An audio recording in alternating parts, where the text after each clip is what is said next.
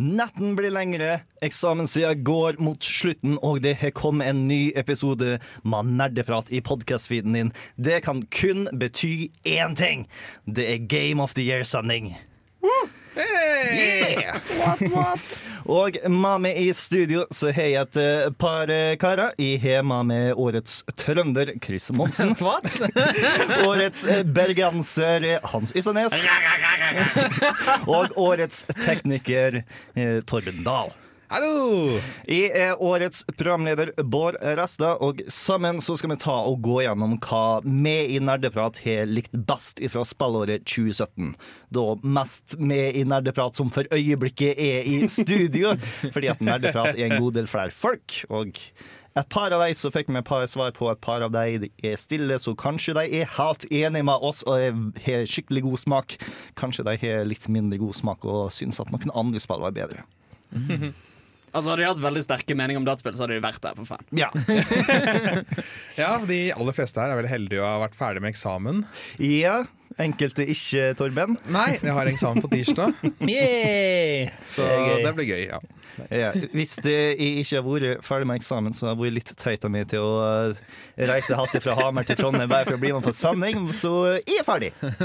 Jeg kan puste ganske trygt ut der nå.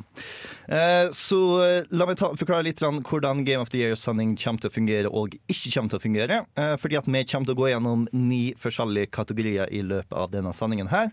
Eh, Vi har alle sammen våre forslag til hvem som er best i den kategorien. Det vi ikke kommer til å gjøre, er å ta jobbe veldig hardt på å bli enig.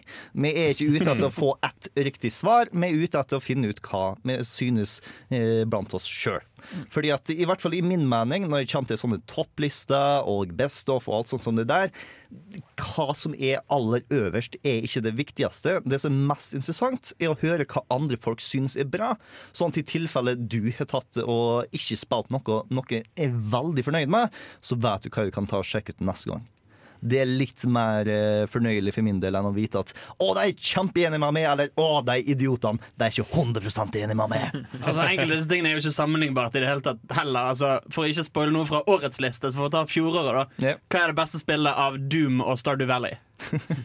Ja. Hvor, hvor går du fram for å sammenligne? liksom? Det er vel hva du likte best, egentlig, og der er jo veldig subjektivt. Men Doom har jo flere FPS enn Stardew Valley, da. Ja, sant, det må ikke, må ikke frames og må ikke polygoner og uh, motion blur og så det automatisk bedre. Faktisk. Eh, Så eh, vi kommer til å starte med den aller første kategorien vår. Bare for å få det kjipe ut av veien, eh, så har jeg lyst til å vite hva var årets skuffelse for dere. Og da trenger det ikke nødvendigvis å være et spill. Da kan det være en hendelse, en nyhet, eller et spill, for den saks skyld. Eh, Så er det noen som er kjempeskuffa over noe som skjedde i spillåret 2017. Altså, Mass Effect Andromeda. Ah. Fy faen, for en bøtte med drit. Og altså, fordi jeg spilte Mass Effect masse uh, når det kom. Uh, mye eneren, ikke så mye toeren og treeren, men det var dødsgøy. Uh, å leve seg inn i dette fantastisk flotte universet som hadde Altså Det var en og annen bug der, men det, var, det virket så polert og godt gjennomtenkt, og du kunne bare utforske denne verden. Og så er det bare en sånn dritt rushet ut eh, Triple A-spill med elendig bare karaktermodeller og animasjoner, og det bare virker uferdig og drit og Hvor tidlig var det du spilte etter at det kom ut, egentlig? eh, Ganske nylig. Ja. Altså ganske rett etter det kom ut. Ja, der er omkring. Ja, for jeg tok og venta et par måneder eller noe sånt som det der. Så Mm. når jeg plukka det opp, så hadde jeg patcha godt nok til at jeg hadde ikke internettet tatt helt av meg hvor eh, teit eh, Sarah Ryder så ut i trynet, så hadde jeg aldri tenkt over at Jo, men det der ser det så mye bedre ut? Jeg har sett litt eh, bilder og videoer, og jeg syns at det er et stygt spill. Stygt vil jeg ikke ta og kalle det. Jo, det det er kalle har det stygt. forbedringspotensial fremdeles. Jo, men det er ikke Altså, Jeg snakker ikke om teknisk lite imponerende, jeg snakker om estetisk plagsomt. Eh, Jeg, jeg ble ikke plaga, i hvert fall. Var det for mye neonlys, eller hva er det liksom som greia? Ja, Fortsatt dårlige animasjoner, eller? jeg klarer ikke helt å sette fingeren på det, men det er dypt nede i Uncanny Valley. Uh. Uh, det er, alle ser ut som noen sånne jævla uh, garbage pail kids eh, som løper rundt og ser ut som de er lagd av voks. Uh, og som smiler sånn robotsmil uh, til alle rundt seg. Og det kan være en sjarm i det, men det er visst et spill fra 2004. Uh, ikke fra et fuckings Triple A-game fra BioWare, for faen. Men jeg skal ikke si meg 100 uenig med det heller, fordi at det er det svakeste Mass Effect-spillet, uten tvil. Eh, Det, jeg vil ikke si at det er et dårlig spill. Jeg bare ser at veldig masse av det jeg likte i Mass Effect, var ikke der. Inkludert sånn halvparten av rasen. Fordi at tydeligvis så tok de ikke tida til å modellere noen av de mindre brukte rasene, så eh, de bare kom på et seinere skip. Siden det som er historien i Andromeda, er at eh, du bare hopper ifra den ene galaksen til en splitter ny galakse, og er explorers der, i stedet for å ta og eh, holde tilbake den gamle galaksen hvor for etter at du hoppa, men sånn flere hundre år etter at du kom fram, så skjedde den Mass Effect som jeg kjenner til. Så ikke fan. Torben. For meg så er det litt vanskelig å skulle finne noe som jeg har vært skuffa av. Mm. For jeg har, eh, jeg har den livsholdningen at jeg går inn med lave forventninger. Så blir jeg i hvert fall ikke skuffa, men så blir jeg gjerne positivt overrasket uh, oftere enn uh, jeg blir skuffet. Mm. Men eh, jeg bladde litt i notatene mine for eh, E3 i år. Mm. Og jeg så at eh, sånn bortsett fra de nydelige tingene som kom ut av Nintendo, og også litt Ubisoft med Mario pluss Rabbits, så er det egentlig ikke så mye som jeg føler jeg Som greide å gire meg opp fra E3. Det var liksom veldig mye show, men ikke så mye innhold. Ja, for det har vært mye sånn siste par åra. Jeg vet ikke liksom om det har noe med om å bli eldre, eller om det bare har liksom blitt mindre spennende. Altså Det virker jo som konsollprodusentene, minus Nintendo, skulle jeg si, har tatt en litt merkelig retning hvor de føler at vi skal konkurrere med PC. Ikke på de beste spillene, men på det å være PC. Mm. Ja, vi skal ha alle framesene, vi skal ha alle pikslene. Og vi skal ha alle de tingene som ikke er spill, også på maskinen vår. Ikke sant? Så basically, vi produserer datamaskiner eh, som er ferdigbygd, så du ikke får bygge sjøl. Er jo basically det de ender opp med, og de pusher det som om det er liksom en stor ting. Ja, for du har Xbox One X, er det Ja, ja, ja. det? er Scorpio, og så PS4 Pro. Ja, som ble pusha ganske kraftig. Ble også pusha litt eh, Jeg tror VR har ikke blitt pusha så veldig Ja, ja. mye, men eh, Nei, det dør litt, tror jeg. Og det er Ja. liksom, altså, altså, de hadde jo ikke noen kule spill å fronte konsollene sine med. Altså, Nei. X, jeg, jeg lurer på, Var det Xbox One X som med, eh, Jeg lurer på om det sto på scenen at sånn Xbox One X exclusive! Player Unknowns Battlegrounds! Som for det første ikke er sant. Uh, og for det andre sånn Ja, men PC-folk kan spille dette fra før. Det, altså, Dere vinner ikke konsoll versus PC-diskusjonen med å holde på sånn. Mm. I hvert fall ikke for Microsoft, som tar og putter alt de har på Xbox One, på PC også. Ikke sant? Ja, Ikke sant? Ja, de har blitt en veldig rar hybrid. ja. Så Sony sitt E3-show var bare vi Basically Sony som eh, brente pengesedler på scenen. Yeah. For da hadde allerede, de hadde den fonteneshowet og alt mulig sånt. Men uh, jeg sitter her og føler ikke at det er så mye innhold derfra. Det kan være at Chris har et lite poeng med at vi blir eldre. For eh, første gangen vi oppdaga E3 og fikk liksom alt det nye uh, kasta imot oss, så må det ha vært litt av en opplevelse. Så vi bare alltid forventa å få mer og mer og bygge opp det vi forventa å få ifra en E3-visning. og etter hvert så kan det liksom ikke leve opp til det. Og vi er såpass flinke til å ha øret til bakken at vi vet på forhånd at det her er, skjer i bakgrunnen, det her er sannsynligvis det som kommer til å komme. Så mm, det mer få ting bekrefta enn å bli overraska når man ser på E3 nå til dags. Ja, for det også kommer litt med at det liksom ofte så har man problemer med at uh, mye lekker på forhånd eh, hvis det er nytt. Uh, og hvis det er noe annet, så har man oftest hørt om det fra før. Ja. Og da f.eks. Nintendo som har sånn Nintendo Direct gjennom hele året uansett. Så E3 er litt sånn en liten spesial, der man kanskje setter på litt mer spesialeffekter og Shigeru Miyamoto som slåss med et eller annet, jeg vet ikke. Men, Men eh, i år så tok de faktisk av Var det ikke på E3 Nintendo avslørte Super Mario Odyssey? ja, kanskje. Jeg husker ikke. Jo, det var vel det, og uh, Raving uh, Rabbids-spillet. Ja, i hvert fall ble Ja. bekrefta. Det var jo rykte en god stund i forveien.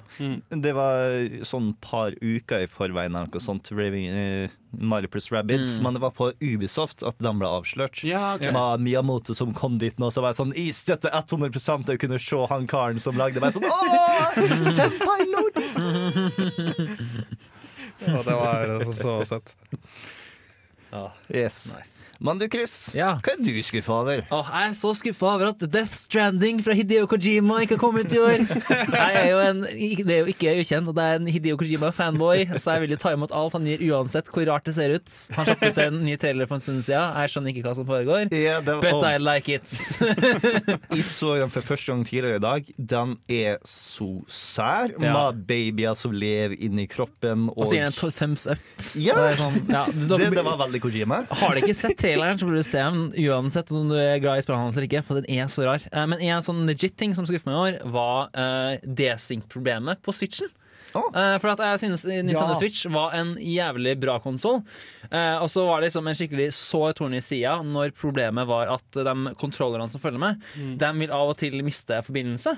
Og når de mister forbindelse, så tar det ikke bare å stoppe det som skjer på skjermen. og sånt Du tar og re- repeterer den forrige hendelsen. Så det, det, det legger på en måte ikke merke til at forbindelsen er uh, brutt. Sånn Ja. at hvis du holdt uh, stikka til høyre, og så, så andre er at du holder stikka til høyre inntil den hører noe annet. Ja, og når du da ikke hører ja. noe, så går Link et spasertur eh, til Ja, høyre. sant? Jævlig kjedelig, så det til meg mens jeg satt hjemme av og til. Så spilte jeg, og så bare Nei, nå tok Link eh, suicide fordi at eh, jeg mista control for correction. Så er det litt sånn av og til at jeg bare stuper framover for å komme meg nærmere til switchen for å liksom få god forbindelse. Og det er så kjipt når det ellers er en kjempegod konsoll, og så klarer den Altså er liksom de ene problemene. Nå tror jeg de har fiksa på nyeste, nyere joycons, og så har jeg eh, tatt og kjøpt eh, Eller gjort basically det de gjør på verksted. Eh, det er liksom, du setter på en pute med eh, noe isoleringsfoam, og that's it. Og da fikser du problemet. Eh, så det er veldig greit nå, men det var utrolig kjedelig, for at jeg synes genuint at det er en god konsoll ellers. Minus at ladeporten er på bunnen, som er kjipt når du reiser, for da får du ladekabel i magen. Men ellers er det veldig bra. Nei, sjøl så er jeg uh, veldig skuffa over hvordan EA har behandla Star Wars-lisensen. Ja. Fordi at uh, dere har noe Forrige Ja. episode var Star Wars-sendinga deres, så Stemmer. jeg tok og hørte en del på uh, Bare for å ta og komme med litt inn i nerdepratvarmen igjen tidligere. og der så gikk dere ganske kraftig gjennom hvordan de har gjort Battlefront 2 feil. Fordi at til tross for at Battlefront 2 ser ut som et ganske kult spill generelt, så veldig mange flinke folk har putta masse tid og elsk og energi inn i, så er det noen som bare bestemte seg for at vet du hva, det viktigste med dette spillet her er at folk skal ta og kjøpe lootboxer. De skal ikke få lov til å ta og føle at de kan komme seg videre i spillet uten lootboxer, så uh, alt skal man det. Eh, hvor de har jekka seg litt ned på det, visstnok. Men det er fremdeles såpass ille at jeg ikke kjøper det spillet ut av prinsipp. Og det har også kommet fram at rett etter de trappet ned på microtransactions i spillet, så har de i møte med investorene sine sagt at nei, nei, nei, nei dette kommer ikke til å gå utover inntjeningene våre. Så de har jo en eller annen plan for å tjene inn igjen den tapte inntekten med å kutte ned på microtransactions. Og eh, vi må også ta og huske på de andre kjipe tingene jeg gjorde med Star Wars-lisensen eh, for sånn en måned tilbake. Noe sånt. Ja. Og det var at de bare tok og la ned Visceral Games, som tidligere hadde tatt og utvikla Dead Space-spillet, og som var midt i å ta og utvikle et singleplayer Star Wars-spill. Og eh, da kom de selvfølgelig med den vakre strofen om at nei, singleplayerspill det selger nå egentlig ikke, og det er ikke noe vi har lyst til å ta og satse på i et år hvor eh, de toppspillene på Game of the Year alltid er singleplayerspill. Fantastisk EA. Ja, og det skapte jo også en debatt rundt omkring i spillindustrien om at er singleplayerspill døde, eller er eh, det fortsatt liv i dem? Og da var det konklusjonen at eh, ja, det er vel EA som er litt uh, i minoritet der. Yeah. Så jeg bare sitter og håper på at eh, Disney kanskje snuser litt på å få gjenopplevd LucasArts igjen, som var en ganske fornuftig eh, utgiver, som tok og fant tak i utviklere til å lage Star Wars-spill, i stedet for at du har én utgiver som tar og gjør det på sin måte i ti år. Ja, Det er fire år siden EA tok og signerte den avtalen, så det er sånn seks år igjen med kun EA som får lov til å lage dataspill om Star Wars, og det synes i så langt ikke har vært fire gode år. Vi har fått Hmm. to Battlefront som har fått en god del kritikk. Vi har vi fått hjerteknust av et par eh, gode spill som i hvert fall så gode ut, og som ble kansellert. Og så har Hmm. vi fått et par mobilspill som ikke gidder å ta prøve med på. Så eh, EA, come on! Step up your game! It's in the game.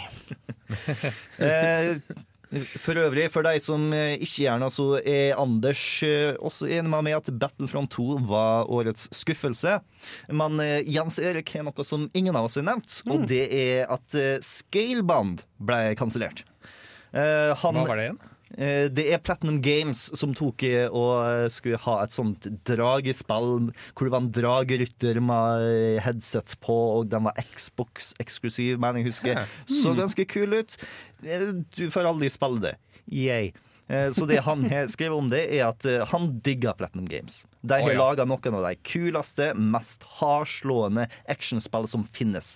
Han var derfor enormt skuffa da Microsoft kansellerte det fantasy-inspirerte Scaleband, som skulle være Hideki Kimekas Den burde de lese på forhånd. Forsøk på å erobre Zelda-inspirerte actioneventyr. Det ble dessverre ingen svære drager eller kul musikk på oss allikevel. Ja, Platinum Games er de som står bak Bajonetta, Bayonetta, blant annet, og uh, Wonderful 101. Ja. Og, men de, eh, det har blitt annonsert nytt Bayonetta. Mm. Det ble på under Games Awards. Så ble det annonsert at det kommer en bajonetta 3 til Switch. Og at Bayonetta 1 og 2 også blir remaka til eh, Switch. Eller i hvert fall gitt ut på Switch. Nå, det er en ganske god overraskelse, så la oss ta og switche over til det. La oss legge fra oss eh, alt det negative fra skuffelsene våre og snakke litt mer om overraskelsene som 2017 tilbrakte. Akkurat som av skuffelsene, så må ikke dette nødvendigvis være et spill. Det kan være event, nyhet, whatever. Så hva er det som overrasker dere i 2017? Åh, jeg kan slenge meg på den først. da uh, jeg, uh, jeg tror Jens Erik skrev litt det samme. Mm. Uh, jeg, jeg tror vi begge skrev at vi ble veldig overraska at Switchen gjorde det så bra. Fordi at liksom, Switchen viste mye potensial, og den kunne kanskje bli en litt sånn kul konsoll. Gjorde iallfall mye bedre enn den First Price VU-en som kom ut tidligere. Som var gjorde kjempedårlig Men den har gått over all forventning. De holder på liksom og De har allerede nesten solgt like mange Switcher som VU-er i hele lifespanet sitt, blant annet. Og det er helt sjukt. Og nå heller jo folk og slenger seg på bølgen, og alle på en måte har lyst til å lage spill til Switch nå. Og det er kjempekult. Uh, og det virker som at Nintendo-båten har på en måte snudd litt rundt, da. For at vi, jeg syns alle VU-spillene var litt sånn De var kule. Men det var ikke sånn Det var liksom litt mer, mye av det samme føler jeg, som før. Mens nå er det liksom De har gjort om eh, hvordan Legend of Zelda fungerer. De har gjort en veldig bra Mario, og ja. De har hatt en renessanse. Ja, på veldig mange måter, har jeg Mm. Jeg også hadde litt det samme. Min eh, overraskelse var hvor bra spillene eh, å- dette året har vært for Switch. Når det kommer til spillene som har vært eh, lansert. På at Jeg tror ikke jeg kan klare å finne et lignende år, selv ikke hvis du ser, selv hvis du ser bort fra lanseringsår. Så er det da kun Nintendo, tenker jeg på.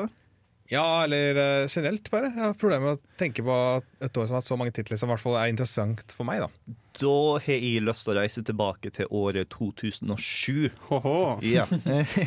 Som var det året da Xbox 360, PlayStation 3, den generasjonen der, klarte å stable seg på beina. Og veldig mange av de seriene som definerte den generasjonen, så sitt første spill.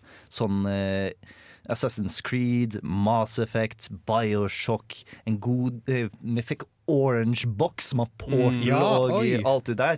Eh, nå husker jeg ikke hva slags Nintendo-spill som kom ut samtidig, men 2007 var et fantastisk fint år. Det samme var 1997 også. Så det er liksom, hvis du har et eh, årstall eh, som slutter på sju, så er sjansene egentlig ganske gode for at du får gode spill. Og så har vi ti trasige år foran oss nå, da. Ja. Ja. Nei, så uansett, jeg synes det var eh, forbausende bra lineup. Vi visste jo ikke så mye om Super Mario Odyssey fra før, før etere. Så det var en overraskelse å se hvor mye som Nintendo hadde planlagt for Switchen bare i løpet av 2017. Mm. Med Wii U så fikk du, du fikk Nintendo-land, og så fikk du en sånn, nok en 2D-Mario som ingen brydde seg om. Ja. Og så det var det. Altså jeg vil si at Odyssey i seg sjøl var en positiv overraskelse for min del. Nå har jeg ikke fått spilt det veldig mye. Men jeg var så jævla skeptisk når jeg så den første traileren. Ja, ja. Og at det er vanlige mennesker i spillet. Ja. For da tenkte jeg Sonic 06, Sonic 06, Sonic 06 Dette kommer til å gå. Dette kommer til å gå så jævlig til helvete, tenkte jeg. Men så bare funket det. Og det, det var bare det, Da tok jeg et lettelsens sukk, altså. Uh, for jeg tenkte det kom til å bli drit. Eh, for å ta bare gi eh, Jens Erik det han tok og skrev om eh, hvor overraska han var av Switchen, så sa han at VU var ikke en flopp, men den gjorde ikke så bra som Nintendo håpa på. Derfor gikk han til Nintendo Switch med den samme holdninga som til tidligere Nintendo-konsoller. Dette kjøper jeg for å spille Nintendo-spill. Det var ingen garanti for at denne merkelige kombinasjonen av stuekonsoll og håndholdt maskin, skulle fungere, men jaggu klarte ikke Nintendo brasen. Switch har gitt oss noen av årets beste spill, samtidig som den har blitt en indie-maskin uten like bra jobba Nintendo. Og det er altså min overraskelse, for Switchen har fått en enorm suksess. Mm. Og kanskje det spillet på den som overraska meg mest, var Mario pluss Rabbids.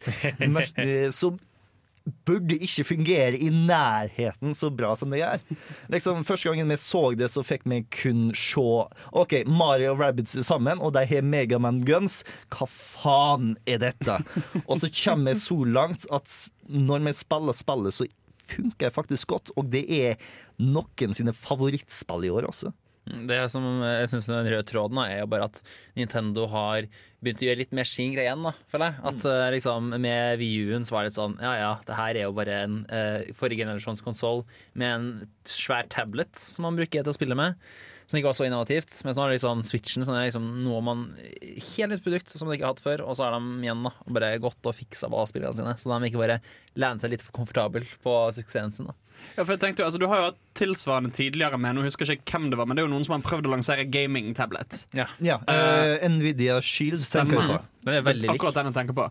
Og jeg føler uh, Nintendo sin greie her kan sammenlignes med iPhone. Eh, for iPhone var ikke den første touchtelefonen, men det var den som slo gjennom og gjorde det mainstream og kult, og plutselig skulle alle ha det. Jeg føler litt samme som har skjedd med Switch innenfor det tablet-ish-området med gaming. Yeah. Yeah. Agreed. Eh, Men hvis det ingen av dere overrasker meg med noen flere overraskelser Jeg har en liten Ja, ja, ja, overraskelse. Det var overraskende. Eh, og dette er et veldig konkret spill jeg skal snakke om. Ja. Eh, faktisk en veldig konkret DLC. Oi. Eh, jeg skal snakke om XCOM 2 War of the Chosen. Fordi eh, Altså Moderne XCOM har jo en tradisjon med at eh, kjernespillet slippes. Og så går det ett år, og så spiller, slippes eh, en veldig stor delelse. Og inni deres sted er det noen som slipper en veldig stor mod til spillet. Uh, og dette skjedde med for, eh, altså den første nye XCOM. Dette er jo basert på eldre spill, men den første av de moderne XCOM-ene skjedde dette med. Du fikk uh, The Long War, som var modden, og um, Enemy Within, som var uh, DLC-en. Og så kom XCOM 2. Og XCOM 2 er på en måte en litt mer strømlinjeformet um, versjon av eh, XCOM. Men det er fortsatt optimaliseringsproblemer der. Det er litt buggy og litt sånn kjipt. Du må liksom slåss litt mot spillet. Uh, har, hver gang jeg launcher XCOM 2, så har jeg en liste på sikkert 10-20 mods som jeg har installert for få til å runne noenlunde smoothly. Um, så kom fuckings War of the Chosen. Og en ting er at det er en helt fullstendig revamp av uh, campaignen. Uh, hvor du har helt nye folk du kan lage. Du har helt nye mekanikker for hvordan uh, soldatene dine bygger bånd seg mellom og responderer på tricky situasjoner. Du har en helt nye opp oppdrag, du har helt nye goals underveis i spillet. Men det som overrasket meg jævlig med, er hvor jævla mye bedre optimalisert det er. I XCOM 2 Vanilla så vil jeg tippe at hvert mission tok meg eh, mm, mellom ett og to minutter å loade. uh, på SSD. Det, er- Nå- det, det er langt. Det er lenge. Ja. Nå er det faen meg snakk om fem sekunder. altså Det er ikke en fuckings overdrivelse engang. Alle de modsene jeg hadde for å få det Altså Det, det finnes mods som heter typ 'Stop wasting my time'. Eh, som er rett for å få ting til å bevege seg raskere, for ting tar tid i XCOM. Det trengs ikke lenger. Eh, mange av modsene var Når jeg skulle launche det første gang, sto det 'ikke kompatibel' med dette spillet. Og jeg tenkte sånn «Åh». Men så plutselig bare runnet det så jævla smooth. Og det er på en måte Det er første gangen jeg har hatt den opplevelsen med en DLC, at sånn her er det noen som har sett sånn Ja, når vi først er her, så tar vi og rydder og vasker litt. Så tar vi og shiner opp og gjør at ting blir bedre. Eh, det er på en måte De hadde ikke trengt å gjøre det. De kunne gått kun for innhold og satse på det. Men de valgte å bare skru sammen alt sammen på en mye bedre måte innvendig i tillegg, og jeg syns det er dritbra. Ja, Det er overraskende, for det aller meste sånn nedlastvart innhold eh, legger jo bare på oppå det som allerede eksisterer, så om noe så blir det treigere. Ja. Og jeg også minner meg om sånn programvareoppdatering på telefoner og sånt, som gjør dem piss treige Ja, sant. Så snart den nye telefonmodellen har kommet ut, sånn at du skal få ha lyst på den nye i stedet. Nei, men det er jo dønn snakk om altså, en eh, promille av lastetiden jeg hadde tidligere. eh, og kanskje dobbelt av frames eh, per second. Det er bare så nydelig bra optimalisert. Altså, Jeg har ikke en bra PC engang, men det kjører jævla fint. Hatten av for uh, hvem Det som står bak er det. Firaxis. Firaxis, ja. Nice. Yes, eh, da kan jeg ta og gå videre til neste kategori, eh, som er årets låt slash eh, lydspor. Og den tar jeg med og deler litt opp over eh, hele sendinga, fordi at eh, hver gang vi tar en musikkpause, så er musikken som blir spilt, en av våre beste låter, eller eh, et eksempel fra det vi mener er beste eh, lydsporet.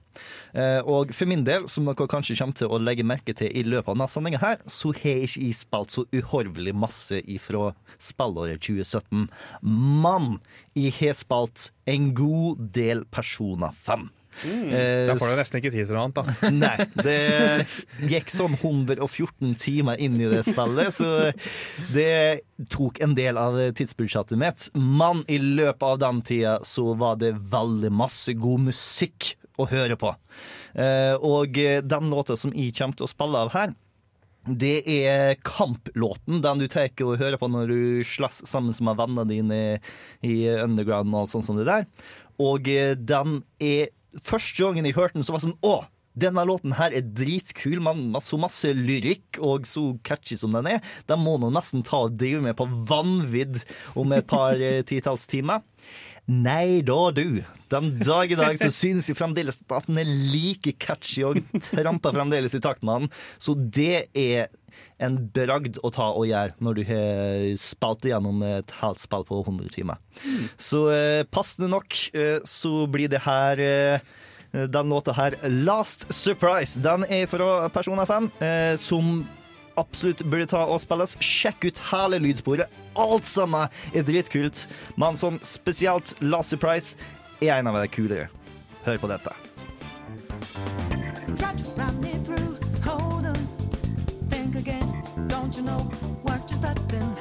Last Surprise er fra lydsporet til Persona 5 fikk du der. Mitt og Jens Erik og også sett for øvrig sitt lydspor for spillåret 2017.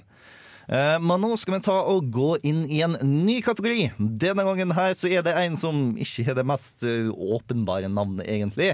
Som er sånn årets trend, og gjerne også spill som eks eksemplifiserer denne trenden. Det, vi burde kanskje finne litt mer sånn snassy, fin eh, navn på det, men eh, ja. Så basically, ideen er vi skal prøve å ta, finne ut hva som var trenden i spillåret 2017, og gjerne også ta og peke fram det spillet eh, som var viser frem denne trenden aller best. Så det er en litt sånn kreativ oppgave, så jeg lurer på hvem som er den mest kreative sjelen her nå. Altså, Min trend for i år er eh, Blizzard sin feil, og det er lootboxer. Ja. Eh, Ah, det ble jo snakket litt om det tidligere med EA og alt det der. Og dette er jo rett og slett at mobilspilløkonomi har kommet inn i Triple A Games. Du har ikke bare DLC som du må betale ekstra for, men du må kjøpe randomiserte boosterpacks for å kanskje få, få noe ekstra innhold. Eh, og jeg tror det er utvetydig å skulle si at dette er Blizzard sin feil. Eh, de var tidlig ute med Hearthstone eh, med disse pakkene sine, men det er ikke noe nytt. Det er vanlig i trading card games. Ja. Og så kom fuckings Overwatch. Og jeg er jævla glad i Overwatch. Men fy faen, det er så jævla skreddersydd for å favne om spillavhengighet. Eh, for å betale penger for sånne lootboxer, og så ser han animasjonen, og det spretter opp. Og du kan se fargene på forhånd, så du kan se Oi, oi, oi, jeg fikk en spesielt sjelden en. Hva kommer det til å bli? Det er liksom Hvert steg av de blir til at du bare må få det der rushet. sant? Det er så jævla myntet mot unger. Eh, mot å få folk til å bruke penger på virtuelle, meningsløse ting. Og Overwatch er ikke de som er verst på det. Å nei, nei. Eh, det, de, altså, de er flinke til å få det til å føles veldig godt og bra, men til syvende og sist så er det bare kosmetisk innhold. Så kommer fuckings EA og Dice og hele denne gjengen her og bare sånn Hva hvis vi gir faktisk innhold som gjør spillet bedre fordi det er fuckings gated innhold eh, som du må betale for å ha en sjanse til å låse opp? Eh, som har spredd seg til Battlefront. Eh, det var vel litt av det i nyeste Call of Duty World War 2. Stemmer det? Eh, som bare er stygt å se på. Jeg har sett noen videoer av hvordan det, det ser ut. Det, det er jo bare åpenbart at her har de fått én programmerer til å sånn Du, bruk en time på å lage et lootbox-system til oss. Bra nok, vi slenger det inn i spillet. Det er én dag til vi skal launche.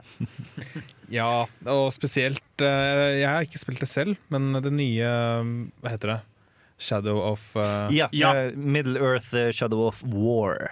Der, eh, Den fikk jo også høre ganske kraftig at det, det virka som det var lagt, opp, lagt inn lootboxer dagen dagen før. Mm. Og at spillet var egentlig ikke designa med det i tankene, og at det, det liksom Det føles litt juks, da. Og på at Lootboxene, Du kan på en måte ikke bare fjerne dem fra spillet altså, eller bare ignorere dem, for resten av spillet er jo også litt tvika for at eh, du skal kunne ledes mot disse, denne, denne lootboxene, og eh, for å lede til å hive penger i eh, det spillselskapets retning. Og dette provoserer meg så jævla mye mer. Fordi greit nok, jeg kan til en viss grad skjønne at i online-spill hvor de har servere som må opprettholdes, eh, hvor de driver og balanse, ombalanserer spillet, og hvor- det er folk som faktisk aktivt arbeider med spillet, at da trenger de en inntektskilde. inntektskilde. Jeg, jeg er ikke enig, men jeg kjøper, kjøper argumentet. Uh, I et fucking singleplayerspill Altså, hva i helvete? Her har du betalt fullpris for abonnement eh, Abonnementet, sier jeg. Hør på meg. Eh, jeg er så vant til doktrinen fra multiplayerspill. Alle disse tjenestene du tar og Ja, ja. Altså, du har kjøpt deg et produkt. Eh, du har kjø altså, det er ikke sånn eh, Du kan eh, kjøpe en DVD, og så kan du, får du med noen terninger som du kan kjøpe trill på. Eh, for å få alle skuespillerne til å ha forskjellige klær på seg, eller for å se uh, bloopers eller noe sånt. Du Eller, ser- eller for å se det faktiske uh, real ending. Ja, ikke sant? Det er bare bullshit. Nei, for eh, jeg har også den samme trenden på eh, min liste, som er lootboxer. Hvor da selvfølgelig Battlefront 2 Ja. er den som eksemplifiserer dette best. Fordi at eh, de gikk så langt at plutselig så var det flere forskjellige myndigheter verden over som plutselig vendte sauronøyet sitt imot spillverden. Bare sånn Vent nå litt! Det der er gambling! Eller uh, i samme gate. Ja, ja. Ja du ser det, altså, PlayerUnknown's Battlegrounds har det, Fortnite har det. Er Alle jævla multiplayer-spill har det nå. Altså, Jeg tok og gjorde en liten research i, for å finne ut eh, hvordan eh, trendinga av eh, lootboxer har utvikla seg i løpet av de siste par åra. Så det her er basert på de som Giant Bomb har tatt og klassifisert som spill med lootboxer. Så de siste åra, fra sånn eh, 2012, fordi at før der så har jeg kanskje ett eller to spill per år som hadde lootboxer i seg. Etter det, 2012, fire stykk. 2013, seks stykk. 2014, to stykk. 2015 seks stykk. 2016 da kommer vi opp til ti stykk. Og i 2017 så er vi 22 spill. Og mesteparten av disse spillene her er de du kommer til å se i topplisten av de som selger mest på en årsbasis. Du har Need for Speed, Fifa, Call of Duty, Star Wars Battlefront, eh, Destiny 2 Bare de spillene som kommer til å tjene mest penger uansett, skal de også til å tjene enda mer penger oppå. Og, altså, du kan jo argumentere for at dataspill i utgangspunktet er en kunstform hvor innhold holdes unna deg. Eh, hvor du faktisk må eh, klare utfordringer for å få oppleve alt av innholdet som produktet du har kjøpt, har å by på. Men her er det jo faktisk snakk om at du må betale for å få sjansen til å få sett mesteparten av innholdet. Eh, altså det er jo Altså det verste eksempelet er Hearthstone. Der er det jo brent at du må ut med idiotisk masse penger for å innen en levetid liksom kunne opparbeide deg alt innholdet som finnes det. Og det er free to play-spill, greit nok. Men i Overwatch, i PlayerUnknown Battlegrounds, i fuckings Shadow of eh, Middle Earth, eh, eller hva de heter, de spillene, yeah. Shadow of War. stemmer, så skal du betale et spill og så ikke få det som er i spillet. Og det er ikke snakk om DLC som de sitter og jobber med i etterkant og legger ut i senere kant. Men du skal betale for privilegiet for kanskje å få snuse litt på resten av spillet. Det er bullshit, altså. Ja. Nei, vi har jo tidligere hatt uh, nedlastbart innhold av den type, hvor du Mm. betaler og du vet hva du får betale for. Ja, yeah. Og det er kanskje det som ja, er det, det største nye med lootbox-systemet. Er at du kan potensielt eh, i noen spill til og med få ting som du allerede har, og som du bare kaster eller Mm. kverner om til en eller annen valuta. Mens, eh, så, men med lootbox-systemet så nærmer det seg eh, gambling. Ja. Jeg hørte på en diskusjon eh, av en sånn advokat, spilleadvokatpodkast, hvor i noen tilfeller så vil det være innenfor eh, definisjonen på gambling, andre tilfeller ikke. Så eksempel eh, når det er eh, lootboxer og det er, eh, du kan selge dem på Valve sitt marked for penger, så må man jo nesten si at det er gambling.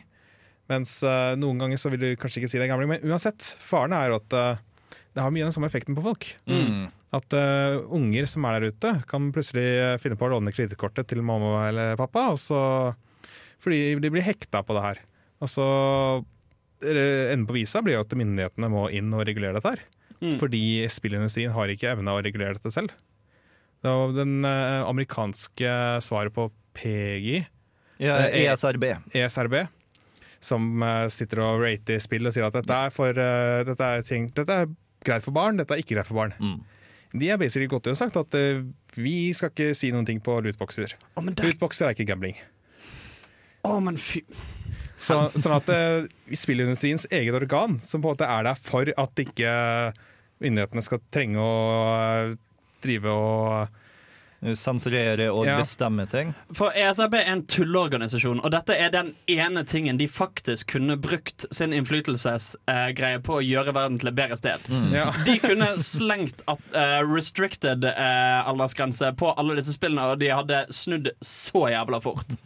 Men er det, her skal de liksom være sånn Å, nei, vi skal holde oss nøytrale. Ja. Faen for bullshit. Ja, men jeg tenker at vi skal ta og snu en liten trend, og så skal Chris få lov til å snakke litt. Eh, ok, Jeg synes at eh, spill har blitt mye mer streambart. Det her, eh, som er, altså, De spillene som har kommet i år, har liksom, eh, jeg synes en del har en veldig sånn Som har streambart, så mener du sånn Twitch og YouTube? Ja, er de, du ser på en måte at de er designa for å bli vist på store arrangement. Da. At eh, mye av Mm. user-interfacen er laga for at ja, det her skal vises på en stor scene. Eh, for eksempel Pokken Tournament. Alle har spilt det sjøl, men det, sånn, det ser så ut som liksom, det er laga for at vi skal ikke spille i stua. Det skal spilles på et stort event, og alle ser på. Uh, men også bare sånn generelt med at uh, jeg tror nesten alle konsollene har noe uh, streamfunksjonalitet innebygd, eller at du kan iallfall uh, gjøre noe, en eller annen form for opptak. Og, og uh, at nesten alle grafikkortprodusentene har jo laga innebygd uh, streamingsoftware, tror jeg. Jeg, vet, jeg er usikker på AMD, men Nvidia iallfall, den aller største, den har jo sånn Shadowplay, yeah. uh, som kommer med alle korta sine. Og, Windows har vel også det? Ja, by, ja, by default, ja. Mm. Kanskje. Det er iallfall virker som at uh, Jeg tror at Windows G er at du tar og får eh, spilt inn at du spiller. Mm, jeg synes jeg var, men generelt bare sånn måten ting blir markedsført på, og bare liksom måten spill blir litt laget på, merker jeg blir mer påvirka av at uh, streaming har blitt så kjempestort i løpet av de siste par åra. Og, eh, og spesielt med YouTube, der liksom den største YouTube-kanalen nå er basically folk som sitter og streamer, Mm. eller spiller gjennom spillet. Er det et spill du har lyst til å trekke fram som eksemplifiserer dette best? Å nei Overwatch! Nei, altså det, det, det- var litt problemet mitt med altså, mitt, er litt samme problem som sånn at jeg har ikke spilt så mye i år. Men liksom, av det lille jeg har sett, så er liksom det jeg synes uh, generelt. da Eh, Selv om jeg ikke har et kjempebra eksempel på det. Mm. Du var et eksempel fra tidligere år. Goat Simulator. Ja. Som hvis, yeah. Isapel kanskje er mest at eh, det er gøy å se på andre spille. Mm. Ja, og så er det også generelt Kanskje PubG også, eh, på en måte. For at det er jo eh, det, det har jo blitt sluppet på en sånn måte at det har bygd opp veldig mye hype som den ikke er ferdig. Mm. Og det har blitt veldig synbart, og så har det spilt veldig på det. Mm. De uttrykkene her har jeg faktisk tatt mye av tilbakemeldinga fra folk og fra streamere og ellers, for å bare tilrettelegge det enda mer. Og du ser jo òg på altså, innflytelseskraften streamere har på Ja. spill. Altså, særlig Player on Battlegrounds har jo hatt masse det med at de eksempel har bannet folk som har streamsnipet. Mm. Eh, og så har det blitt oppstått liksom, store diskusjoner rundt Er det egentlig noe du skal kunne banne folk for å gjøre. Ja. uh, ja, for streamsniping er at du ser på noen annen sin stream Ja. for å vite hvor folk er? Ja. at sånn, Å, Chris streamer, ja, men da går jeg inn der, og så vet jeg akkurat hvor han gjemmer seg. ja. uh, som er fullstendig fiksbart eh, problem. For du kan som streamer si at greit, jeg streamer med et minutts delay, for eksempel. ja. Mm. Eh, så forsvinner hele problemet. Men det gidder de jo ikke. ja. Hadde det er litt mer stress enn det det burde være. Du har jo lyst til å få kommentarer i, tilbake til streameren. i- Ja, fordi at du er kjedelig, og det eneste du klarer å gjøre for å underholde folk, er å lese opp det andre skriver. altså, vet du hva. Yeah. Torben, yeah. har du sett noen eh, trender i spillåret 2017? Ja, jeg heier meg på trenden med å kalle lootboxer for trenden for eh, 2017. Hei! Både du og Anders, altså. Ja, og ja, jeg syns det er litt problematisk at ikke At nå myndighetene er nødt til å komme inn og skjerme barna fra lootboxene. Mm. Men uh, jeg tenkte litt over her, så kom jeg også til å tenke litt på at eh, dette er året hvor Nintendo har virkelig fått til open world. Ja. I den forstand at både Zelda, uh, Breath of the Wild og også til viss grad Super Mario Odyssey Mm. har uh, på en måte tatt og embraced det, det at du har en liten åpen verden, eller i hvert fall mer åpen verden enn det vi er vant til fra før med de sp type spillene. Mm. Så vi får se hvordan det utvikler seg videre med Nintendo og de andre spillene de tar og utvikler. Men vi skal også utvikle oss. Vi skal utvikle oss videre til en ny kategori. Denne gangen så er det spillfigurer vi skal ta og diskutere. Da er det snakk om en spillfigur fra et spill i 2017. Har ikke nødvendigvis nødt til å være den første gangen spillfiguren dukka opp på skjermene våre, men eh, spillet burde være fra 2017. Så er det noen som ble kjempeglad i noen i år. Jeg ble det. Uh, jeg ble glad i William J. Blauskowitz fra uh, Wolfenstein 2, The New Colossus. Sette inn rockemusikk her. Så jeg spilte det i går. Men ok, Grunnen til at jeg liker det, er for at jeg spiller litt for mange som first person shooter generelt. Ikke så mye online, men veldig mye sånn single player. Så veldig mye, jeg går veldig mye Borderlands og jeg vet ikke, nyeste Metal Gear, vil jeg vi nesten kalle det. FPS at this point. Eh, ok, ja, nesten. Men, eh, altså, men veldig mye action, veldig mye stealth og veldig mye sånt. Og det som plager meg veldig, jo Doom. Jeg må kanskje nevnes. Eh, og det som plager meg veldig med veldig mange av dem, er at liksom Å, er en så sykt tøff fyr som har null problemer og er kjempesterk og bare går gjennom og proffer ned alle sammen. Spesielt Doom-guy som bare ignorerer plottet og bare går gjennom hele Og liksom ja, jeg ser litt sånn sjarm med det, men jeg synes litt det er litt kjedelig å på en måte bare være sånn stereotypisk eh, hvit kis som løper rundt og bare skyter alle.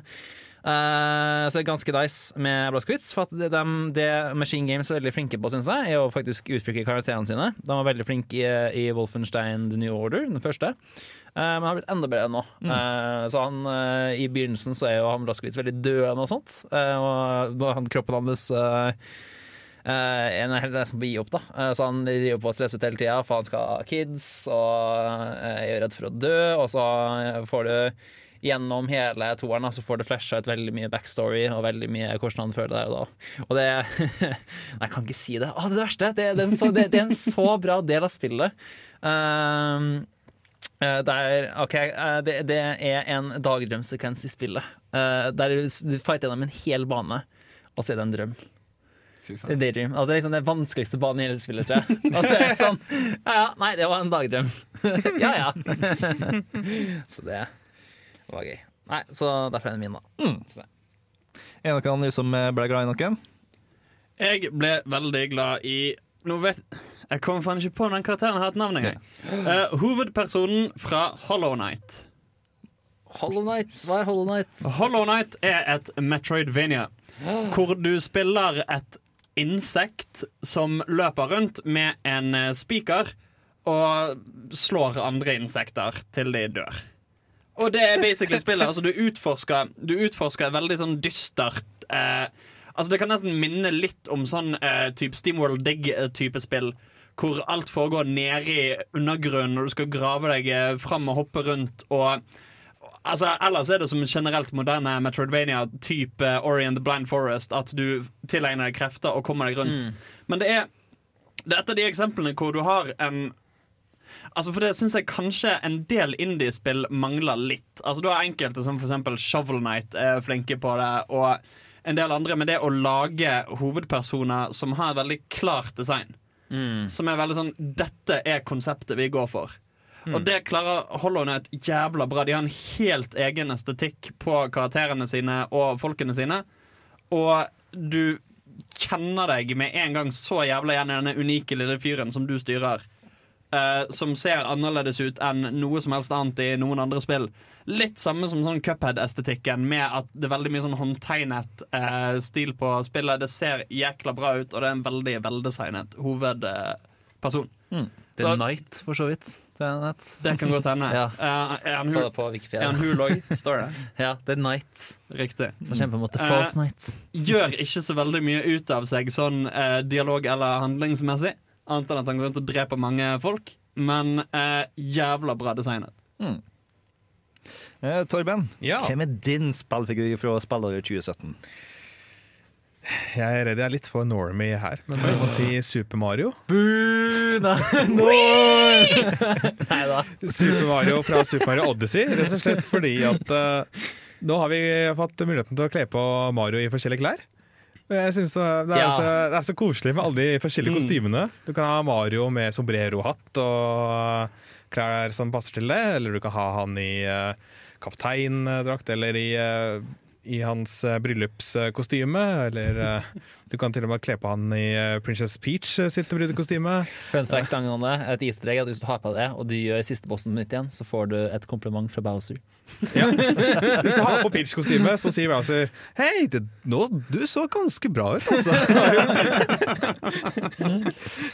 Det var vel også spillet hvor vi lærte at Mario faktisk har nipler, hvis du tenker å putte på en Ja. badebukse. Ja. Ja. Så ja, vi lærte veldig masse nytt om Mario i Men det er en fortsatt, det er fortsatt ikke avslørt om han har navle.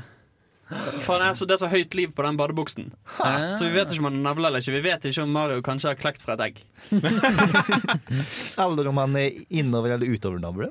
Ja, men altså, Vi har jo klart å etablere i dette spillet at han er ikke et menneske.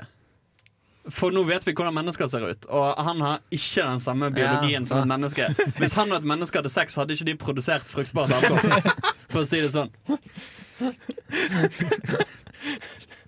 Altså Her er ikke snakk om utseendeforskjell. Her er ikke snakk om at han kommer fra en koloni som har levd i isolasjon og hatt noe parallellutvikling. Han er ikke en del av noe sånn homo erectus-avstammet Han er en annen art enn mennesker.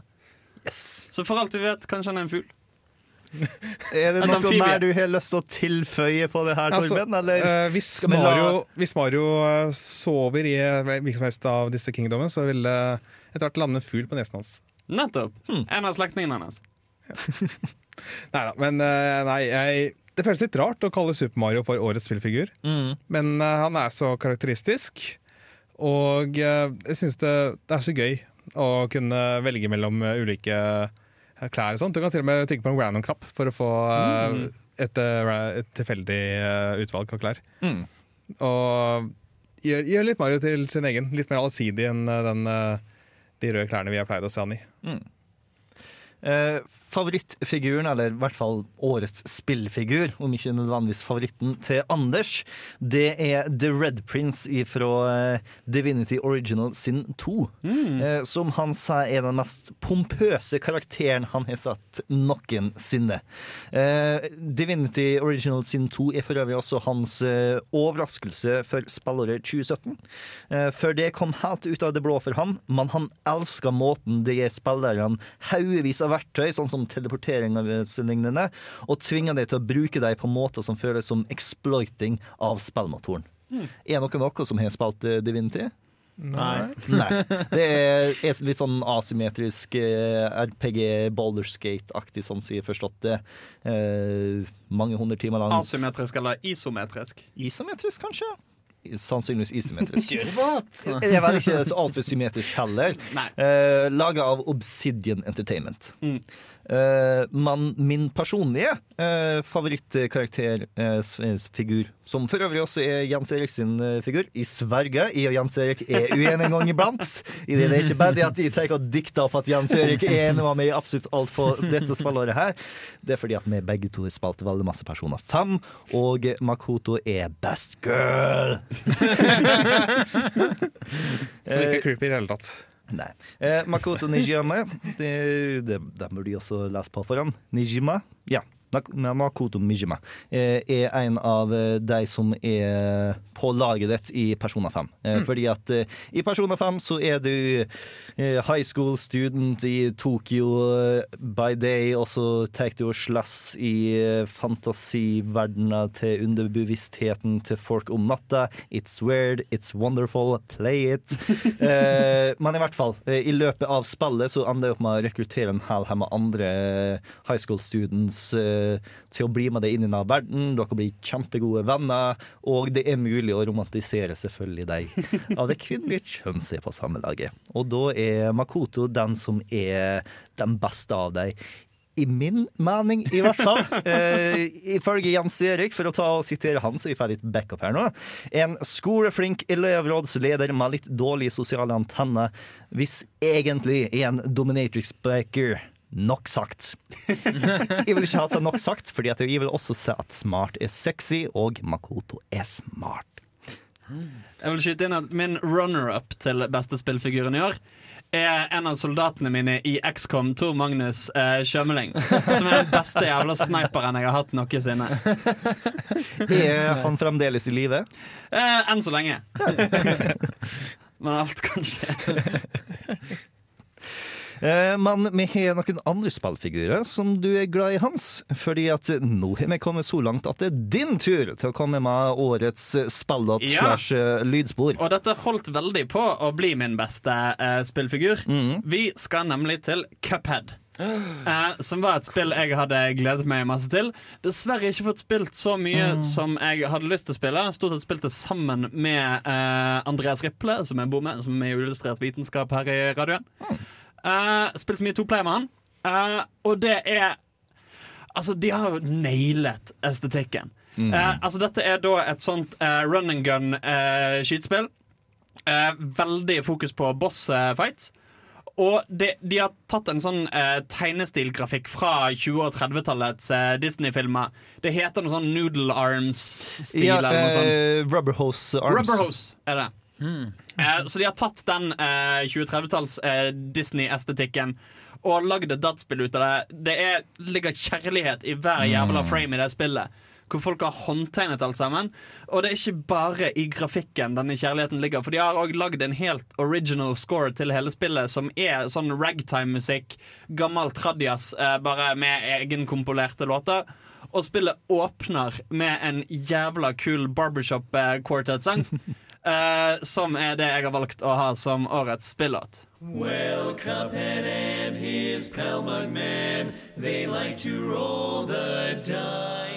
Don't deal with the devil ifra Cuphead fikk du der. Eh, og Cuphead er et ganske fint indiespill, og det er nøyaktig den kategorien vi skal ta og diskutere akkurat nå. Fordi det er gjerne i indie du både får de eh, mest spennende nye gameplayet, og også den beste prisen eh, både for å slippe å ta og spille så altfor masse, gjerne også. Passer veldig godt inn i et eh, studentbudsjett, både tidmessig og pengemessig. Så hva slags indiespill er det som har toppa listen til studioet i dag? I år. I år.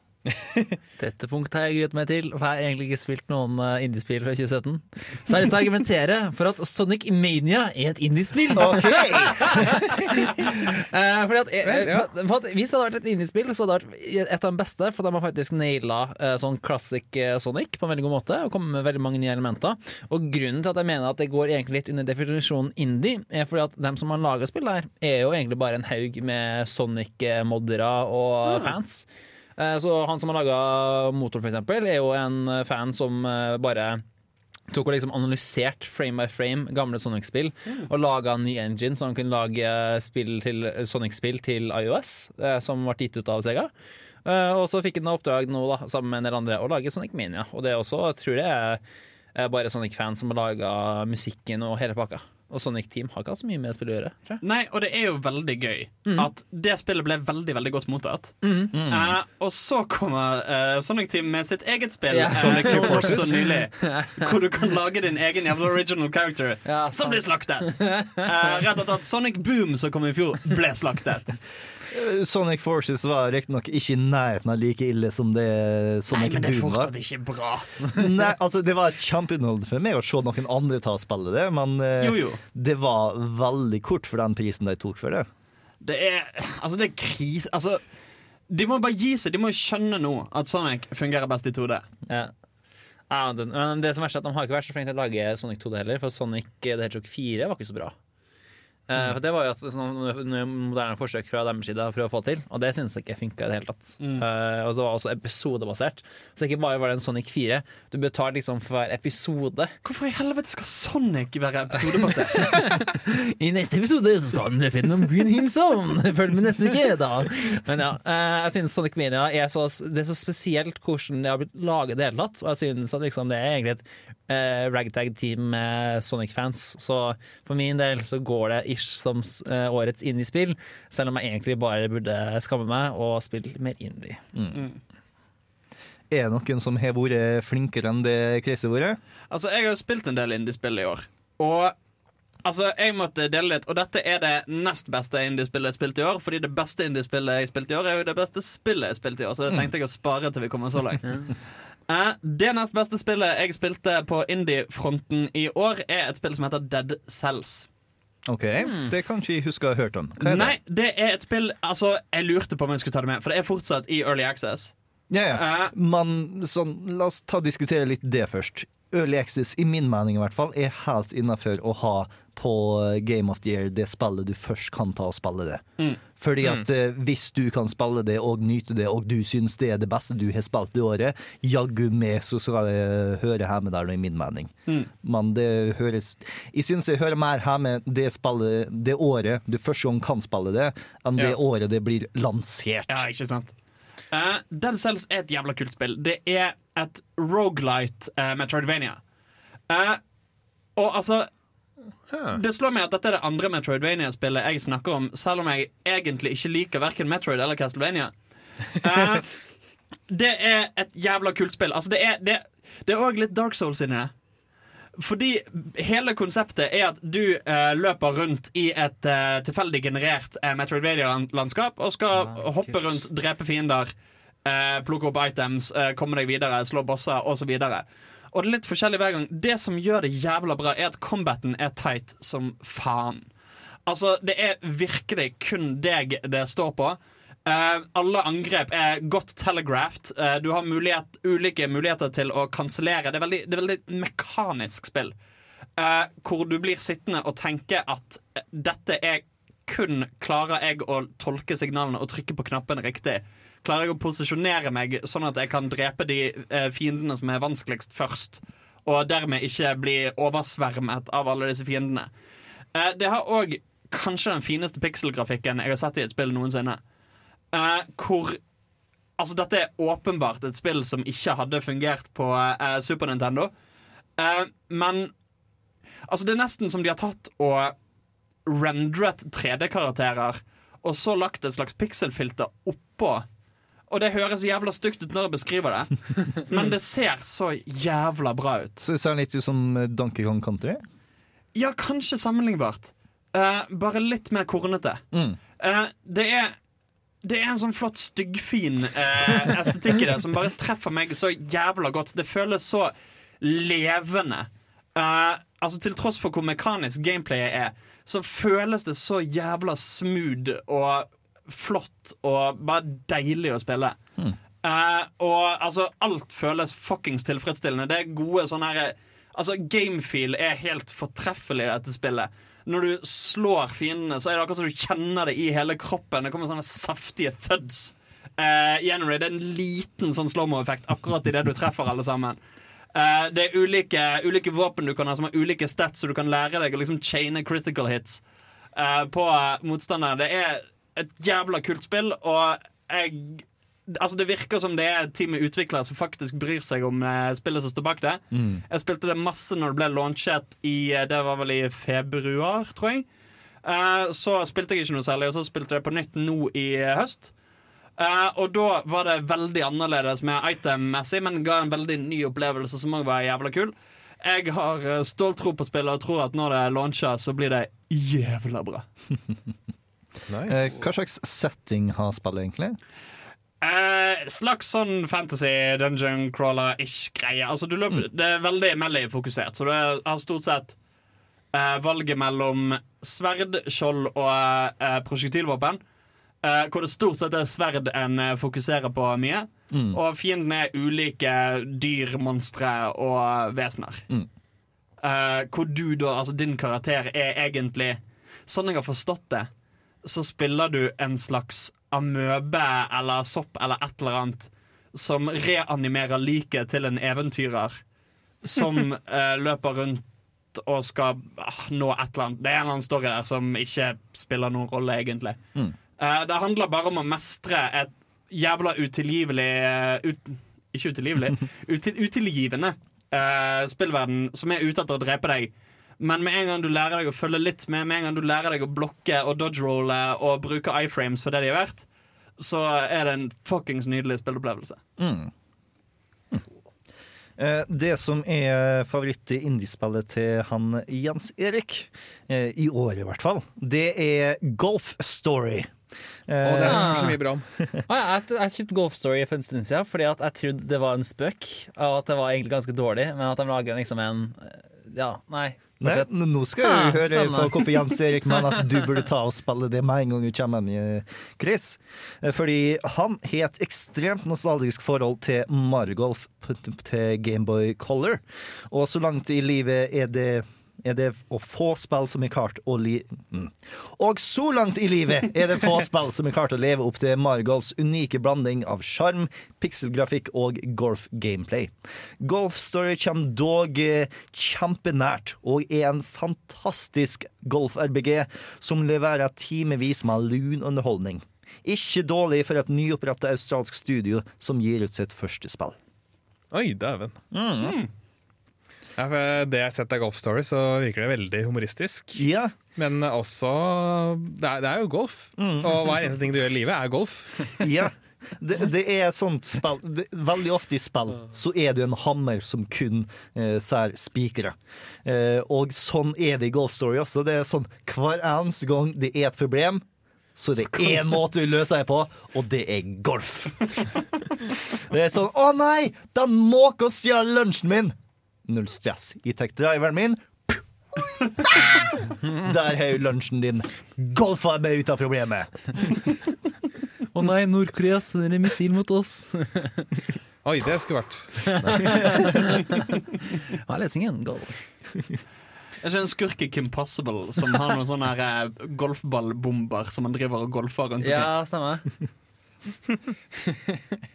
Torben, hva er ditt uh, favoritt-indiespill? I likhet med Chris så har jeg ikke spilt noe særlig indiespill. I motsetning til Chris så har ikke jeg spilt noe særlig annet spill som jeg kan eh, prøve å definere som indie heller. Så jeg, det vil si jeg har spilt et par indiespill. Det er uh, Tumbleseed, som jeg snakket litt om før. Hvor du uh, har spilt på Switchen. Hvor du er basically en uh, dette kule labyrintspill. Bortsett fra at det er i 2D, og det er oppover. Ja, det er litt, litt vanskelig å forklare.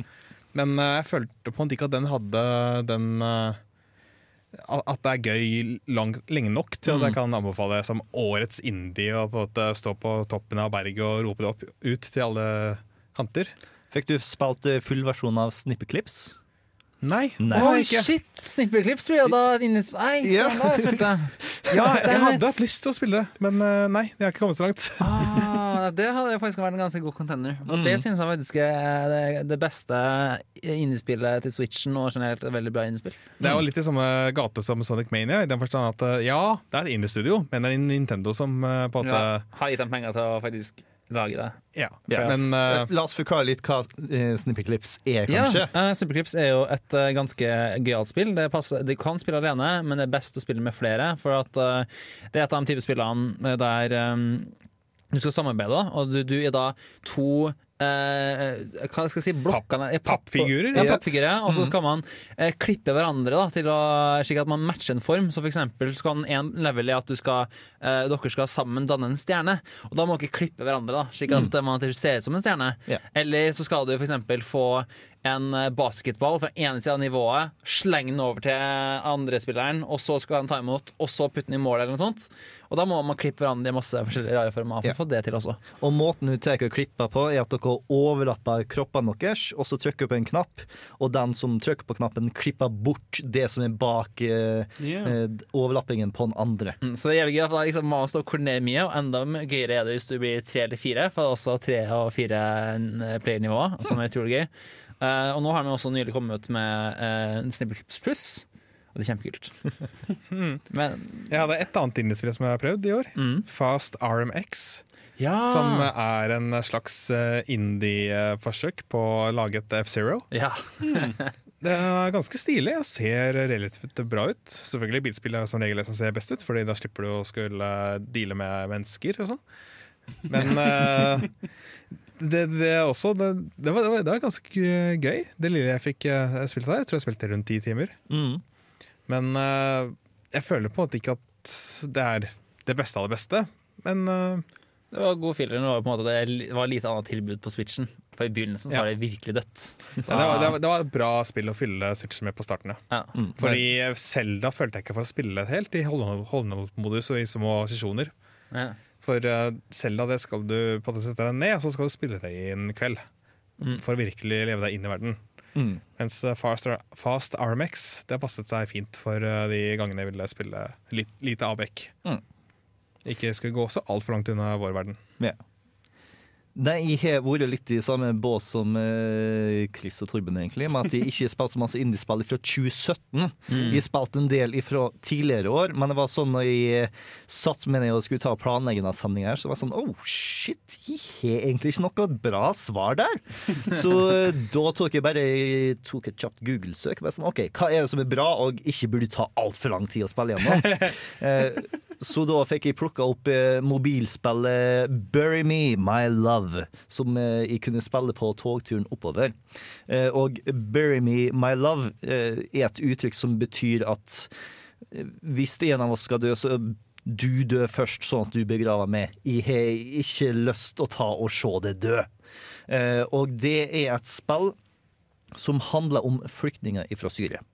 Eh, sånn du opplever det spillet, så er det som eh, du er i en eh, ganske typisk sånn meldingapp, hvor du tar og er du tar og sier fra perspektivet til ektemannen som sitter igjen i Syria, fordi at du er nødt til å ta vare på foreldrene dine og svigerforeldrene dine. For ting har ikke klart seg hvis du var den som for. Og så drar kona di eh, ifra Syria og skal prøve å komme seg inn i Europa, få oppholdstillatelse og prøve å få det til å komme bort dit.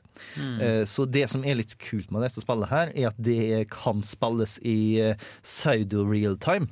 Det vil si at eh, én dag i spillet blir mer eller mindre én dag i virkeligheten. Så hun tar og kommer til å sende det sånn eh, meldinger tre-fire ganger i løpet av en dag. Så hun får oppdateringer sånn en gang iblant. Og bare sånn, oh shit, nå har hun endelig tatt eh, og kommet seg til flyet bort til Istanbul, og så skal hun prøve å ta og finne seg en taxi videre inn i byen. OK, da kan vi ta det. Yeah. Så eh, det blir litt sånn choose your own adventure, fordi at uh, hun tar og spør veldig ofte det om råd. Det er sånn OK, shit. Uh, for eksempel det første veivalget du har, er at uh, hun skal ta en taxi til flyplassen, som er i sånn Beirut, eller hva det var for noe. Eh, det er et godt stykke bort dit nå. Eh, hun må da krysse over eh, grensa til Libanon. Og taxisjåføren han insisterer på at der så er det en hellhemma skyteepisode, så han krever et risikoutlegg. Så prisen blir høyere enn det som var tidligere avtalt. Så hun Du kan prøve å si til henne at hun burde betale ekstra, men hun kommer til å nekte. For denne gangen her, så nei, nei, det går fint. Tek, han kan ta og kjøre med til eh, en annen plass eh, hvor eh, de har buss som tar og kjører over. Det går fint. Dessverre, når du, hun kommer dit, så er bussen Den er forsinka. Den kommer ikke til å kjøre før klokka fem i morgen tidlig. Og da er det plutselig kjempekort tidsrom til at hun kan rekke flyet. Og den flybilletten har hun betalt veldig masse penger for. Så tar du og satser på at bussen klarer å rekke det uten noe problem. Eller tar du og insisterer til henne nei, nei, vink tilbake eh, taxisjåføren og betal han de pengene han har lyst på. Du må ta og rekke det flyet. Huh, kult. Så eh, sånn går det litt frem og tilbake. Og det, det er et kjempefint spill for å gi deg et inntrykk på hvordan eh, flyktninger fra Syria har det. Fordi at det her er ikke basert på én opplevelse, det er inspirert av veldig mange. Det, da er det både ei som gikk gjennom eh, en ganske lik historie, eller en variant av en sånn historie, fordi at det er veldig mange greiner som kan brytes her nå, eh, som eh, har vært med og rådført, og en journalist som var den som fant tak i her nå. Fordi det her var basert på en artikkel om eh, Hena sin historie fortalt gjennom WhatsApp-loggen henne. Eh, og eh, du kan Veldig masse er også tatt og eh, gjort gjennom smileys, som du kan bruke som svar. Og du kan ta og ha selfies, eh, som da blir en sånn tegna form, fordi at du har ikke bilder av ekte personer, du har mer tegna form, så blir veldig ekspressiv og fint. Og så finnes det en knapp så du kan se på kartet hvor langt hun har tatt å komme seg. Eh, så den her, det var egentlig veldig fin eh, intens opplevelse, egentlig. Det var sånn Du følte deg ganske hjelpeløs når du satt på den andre enden, og noe skikkelig skummelt skjedde når hun plutselig er ute på sjøen og hun skulle ta en båt som var sånn knøttliten jolle med 50 andre personer, og klokka fem på natta, så plutselig så får du GPS-koordinater og ikke noe mer ifra henne. Bare sånn Oh, shit! Eller når hun tar og eh, går gjennom Athens Atens gate og blir tatt og forfulgt av noen karer som kanskje er The Golden Dawn, som er nasjonalistpartiet der nå. Åh, Ja, det, det blir ganske intenst til tider. Og du er ikke garantert å vinne heller. Eh, jeg tok eh, og fikk en slutt tidligere i dag, som var at eh, hun kom seg så langt som Ungarn. Og eh, hadde, da hun måtte ta komme seg gjennom et minefelt og alt mulig rart. Og så fikk hun haik sammen med ei lita italiensk dame. Eh, og når hun kom ut av bilen, så tok hun sendte meg en melding om at jeg har gjort noe galt. Jeg har gjort noe veldig, veldig feil. Hun ba meg om å ta noe ut av hanskerommet, eh, og da så jeg en hel haug med papirer. Pass, billett, alt mulig rart, og jeg bare tok det. Og da har i valget skulle jeg ta og si OK, når er det denne ferga går? Bruk billetten. Kjør på. Eller du må ta det tilbake. Jeg insisterte på at hun skulle ta det tilbake. Det, hun italienske dama har aldri forsvunnet, så hun for til eh, politiet dagen derpå. Eh, og da plutselig så fikk jeg for første gang en eh, lydbeskjed i appen hvor eh, hun tar og forteller at nei, hun italienske dama tok og press charges på meg. De tar fra meg telefonen, og jeg kommer ikke til å få den The end. Det var alt. Der slutta Yes. historien for min del. Yeah. Faen så ambisiøst til mobilspillværet. Ja. Yeah. Bury Me My Love heter den. Uh, hvis, I hvert fall når jeg får inn på eh, Google Store, så fikk jeg et fransk navn, men det går helt fint. Uh, du er ferdig på engelsk allikevel. Det kosta 33 kroner. Helt verdt det, i min mening. Du kan ta og skru av realtime, sånn at du får hele historien når du har lyst til å ta få den. Eller du kan ta og skru den på, og det kan eh, ta kanskje en uke eller to før du får en slutt. Hvordan eh, spilte du det? Prøvde du med realtime? Uh, Jeg prøvde først eh, uten realtime, fordi at jeg måtte rekke for å ta og snakke på sending i dag. Ja. Eh, men eh, etter at jeg fikk den slutten tidligere i dag, så tok jeg og skudde på realtime. Og da gikk det sånn én til to timer mellom hver gang jeg fikk en beskjed om at oh shit, da må jeg ta og sjekke ut. Og så gjør jeg eh, det og det rådet, og så putter jeg den i lomma igjen. Mm. Så eh, det, det var det at du tar og opplever historien på en sånn måte som du hadde opplevd det på dersom du satt der nå sjøl, det var veldig effektivt. Ja. Så eh, Det syntes jeg var kjempekult. Yeah. Mm. Eh, Men eh, da har vi snakka nok om indiespill, eh, så vi kan bevege oss over til neste kategori, som er årets flærspillopplevelse. Da er det en eller annen måte et spill som du har spilt lag med flere andre personer, har tatt og virkelig gitt en god opplevelse dette året her nå. Helst er et spill som har kommet ut eller blitt oppdatert i spillåret 2017. Jeg synes Overcooked i, eh, til som kom ut til Switch nå. Jeg tror jeg har blitt gitt ut før òg, men eh, det er iallfall kommet til Switch. Uh, Indiespill uh, som jeg fikk prøve ut for en stund siden. Enda et indiespill jeg har spilt. Jeg bare glemmer at det er indiespill.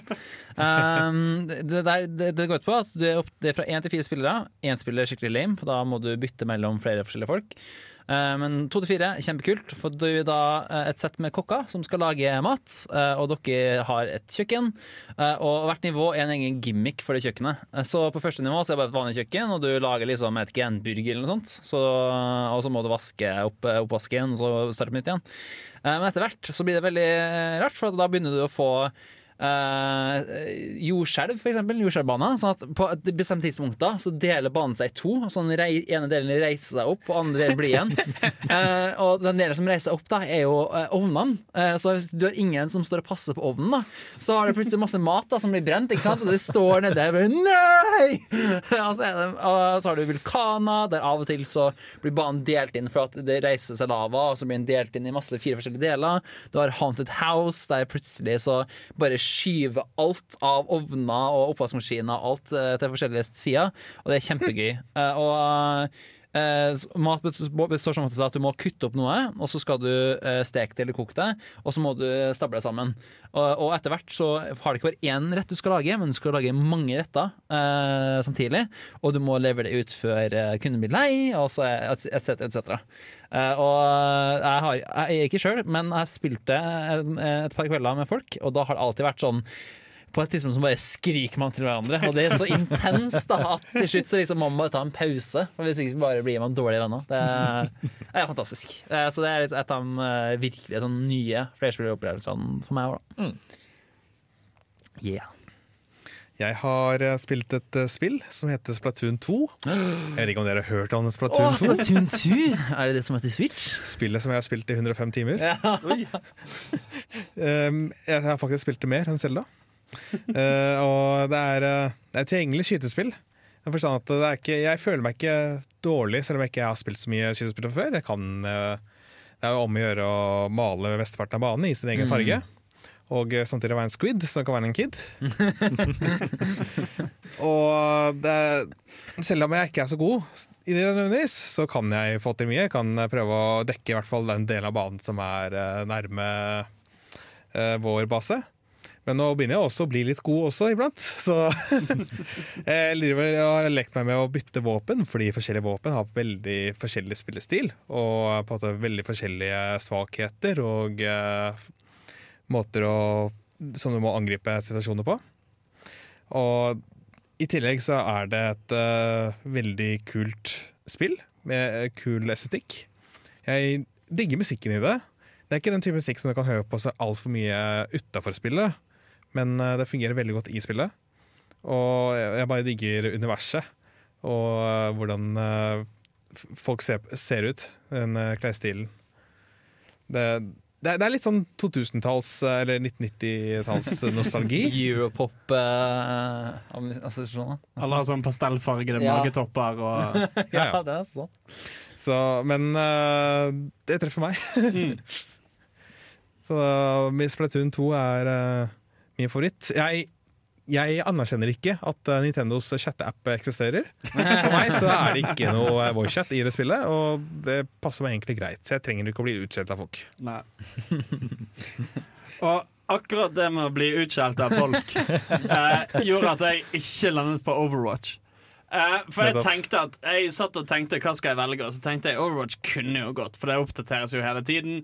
Det ble sluppet nye maps, nye karakterer, eh, balanseendringer i spillet. Men så slår det meg at jeg, jeg har ambivalent forhold til Overwatch etter hvert. Jeg koser meg ikke alltid så mye. Uh, fordi folk som spiller det, suger uh, en del. Uh, ikke så mye at de er dårlige å spille, for det er det veldig mye forskjellig. Mange som er flinkere enn meg i spillet, men personlighetsmessig suger Ja. de. Altså folk som tenker Vet du hva? Hvis vi taper, så betyr det at jeg skal slenge drit til tanksene og healersene på laget. Eh, det er allerede tre DPS-spillere på laget. Hva trenger vi? Widowmaker trenger vi. En sniper. Ja. Eh, det er Altså, communityet er ikke helt det store. Så det jeg valgte istedenfor ha som min uh, flerspilleropplevelse, er Cuphead. ja. Uh, for det jeg mye, spilte jeg mye sammen med han ene som bor med Andreas Riple. Og det er jævla gøy å spille sammen med folk. Da er det, da er det litt vanskeligere. Fiendene har litt mer HP enn tidligere. Men det er en sånn herlig, sånn kaotisk bullet hell-opplevelse. Uh, hvor en hele tiden må drive og liksom hjelpe hverandre litt og redde hverandre hvis en blir slått ut. Uh, det, er, altså det er jo ganske vanskelig spill, så det blir ganske høyt press. Det blir nærheter til å begynne å kaste litt anklager om ferdigheter uh, her og der. Alt etter hvordan det går. Og så plutselig tenker du faen, dette går jo kjempebra. Så ser du bort på HPM på medspillerne. Bare sånn Hva i helvete, dette gikk jo så bra! uh, og altså, jeg døde mye, og Riple måtte redde meg veldig mye. Uh, ikke så mye andre veien. Uh, så det var litt sånn humbling experience òg. men det var veldig, veldig gøy. Eh, spesielt når eh, en av de andre jeg bor med, kom hjem litt full og spilte bedre enn jeg gjorde. Eh, så var det en minneverdig opplevelse. Kult. Det som var årets eh, flashballopplevelse både for Anders og for Jens Erik eh, Har rota litt bort på maskinen min, men det er Public Unknown Battleground. Player unknowns. Player Unknown, ja. Er, er noen av dere som er spilte? Nei, jeg har sett mye streams Ja, jeg Ja, har her. veldig, jeg har hatt veldig lyst til å spille det, men det, liksom, det er på den uendelig lange lista av ting man har lyst til å prøve, men har ikke tida til. Greia mi med spillet er at det ser ut som en ting som jeg ville blitt så nervøs av å spille. Ja. ja, det er jo at det har, det har vært sånn at det er litt sånn høy terskel, for at det virker litt sånn oh shit. Eh, Skal du være en av de hundre som blir sluppet løs på denne øya, og som skal prøve å være den siste til å overleve? Ja. Mm. Fordi at det er en sånn battle royale hvor du må ta og fange Klare å fiske opp nok våpen og overleve alle 99 andre personer på øya fordi at du har kun ett liv. Ja, og så er det den type spillene der det liksom det, noen ganger så danner jo faktisk allianser, som jeg skjønte. og At man liksom hjelper hverandre i spillet, og så etter hvert så må man liksom eh, ta og backstabbe hverandre og være den siste som står igjen. Og det synes jeg er veldig vanskelig, for at jeg har så jeg, Litt pga. Liksom opplevelser som på Overwatch, der folk er skikkelig toxic i voicechat, så er jeg veldig vanlig tendens å bare ha det av, og så bare snakke med venner eller folk som jeg liksom har spilt med over lengre tid. Ja. Og da fungerer det dårlig på sånn player annons og liksom skal gå rundt til folk. da Så liksom eh, ikke, Prøv å ikke skyte dem først, og da spille senere. Liksom. Ja. Så eh, Og én ting som eh, er ganske kult med spillet, er at uh, arenaen starter sånn kjempesvær. Det er en svær øy, og så etter hvert som spillet går lenger og lenger, så tar det en og krymper og krymper. Du må ta og bevege deg innenfor denne sona her som tvinger folk sammen. Sånn at jo færre folk det er, jo mindre blir den, og større sjanse for at du møter folk. Jeg skjønte sånn at det er kanskje det som har vært eh, det mest største innovasjonen Mm. til Player Unknowns Battleground. Mm. Eh, Sammenligna med tidligere sånn Battle Royal-spill. Det som er begrunnelsen til Jens Erik, i hvert fall, er at han strengt tatt kun har spilt ett flærspill-spillerspill i år, og det er Player Unknown Battlegrounds. ikke Cone Exiles! Det, det er kanskje litt vanskelig for Jens Erik Waaler, fast ansatt av Funcom, å ta og si at Funcom spiller Nei, det er sant, da. Okay, da. Eh, Spillet er fortsatt uferdig og er derfor proppfullt av feil og mangler som tidvis gjør det litt frustrerende spillopplevelse, men likevel er det et spill som sannsynligvis kommer til å få ringvirkninger på hvordan flerspillermodia fungerer i lang tid framover. Det er en intens spillopplevelse som sjeldent blir kjedelig. Cool. Eh, og min personlige flerspilleropplevelse er Pokémon Go. Ja vel. yes. I 2017. I 2017, Det var mitt Game of the Year i 2016 og mitt uh, flashspilleropplevelse i 2017. Fikk du med deg serverproblemene som var på den messen i USA? Å, ja, ja, absolutt. Eh, fordi at det som var greia med den eh, eh. Messen, eventen, var at det var første gangen vi kunne ha raids. Eh, raids er at eh, du kan ha opptil 20 spillere som kan ta og kjempe mot én eh, svær, skikkelig overpowered eh, Pokémon. Og hvis dere klarer å slå den Pokémon, så får du muligheten til å prøve å eh, eh, fange den. Eh, Du får baller basert på hvor godt du gjorde det under selve kampen. Eh, og disse raidene skjer på enkelte gymmer eh, til eh, randome tider. Eh, og det som gjør at det er min eh, flashspillopplevelse, er på grunn av miljøet i Hamar. Fordi der så eh, har vi en Discord-server eh, hvor det er en hel med faste folk som følger veldig godt med, og er veldig hard inne i lingoen, og eh, det er alltid noen som tar det. I hvert fall hvis det er en legendarisk eller noe, så det er alltid noen som kjører rundt og tar den. Fordi at det er ikke så masse hva jeg har fått ut av flerspillopplevelsen som bare det å observere alle disse folka som tar og spiller Pokémon Go hardcore daglig. Fordi at når jeg er med på raids, så trekker jeg ofte gjennomsnittsalderen ned. Du oh, ja. skulle tro at eh, det kanskje var eh, tenåringer eller folk som gikk på eh, universitet, men nei, det er godt voksne folk mm. som har bil og jobb nok til å betale bensin for bilen, fordi at de kjører veldig masse rundt.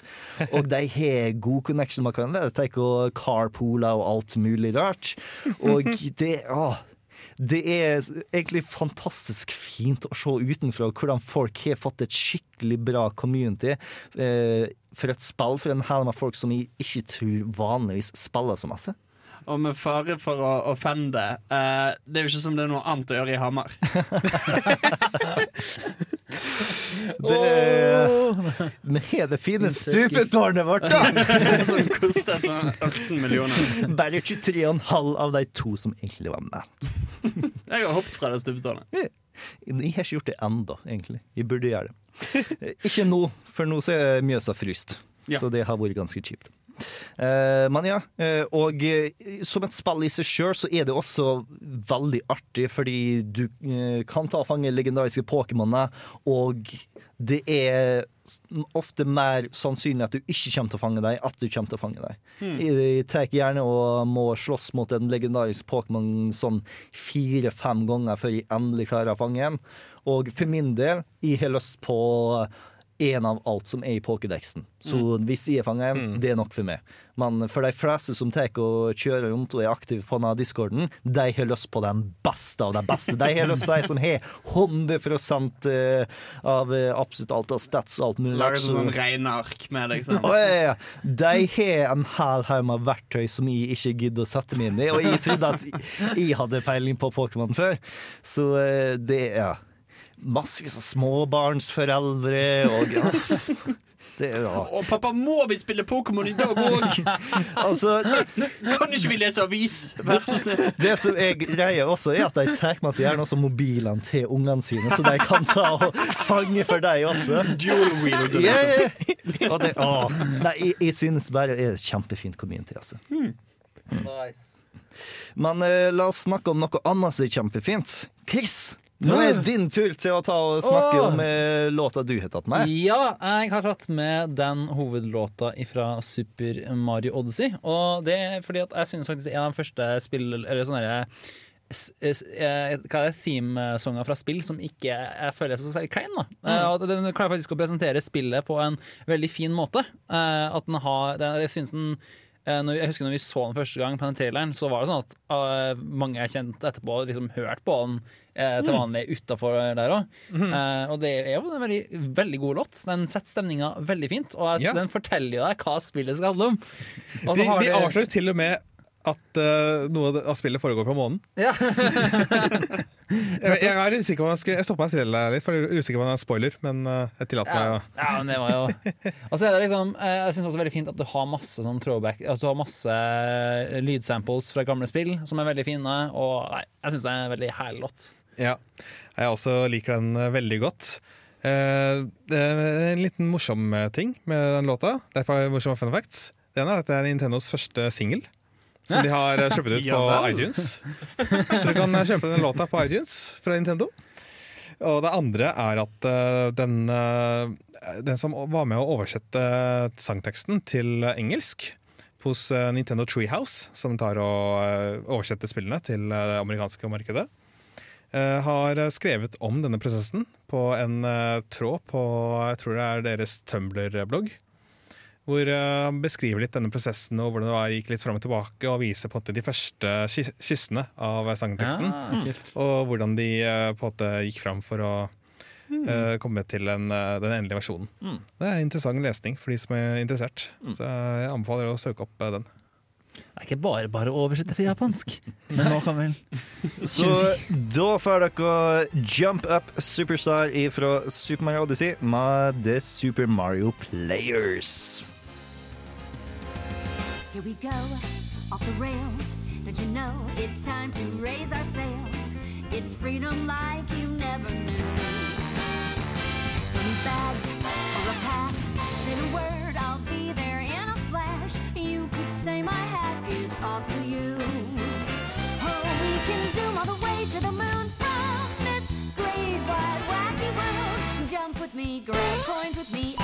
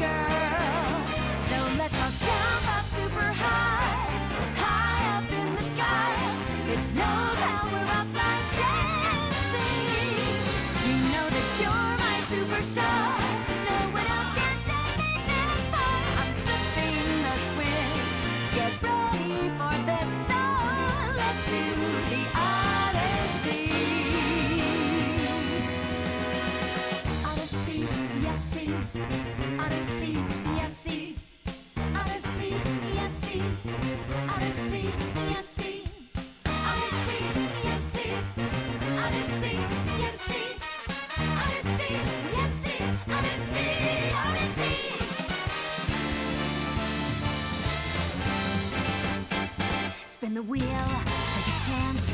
Every journey starts a new romance. A new world's calling out to you. Take a turn off the path.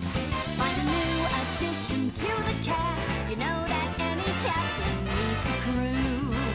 Take it in stride as you move side to side. They're just different points of view. Jump with me, grab coins with me. Oh yeah. Come on and jump up in the air.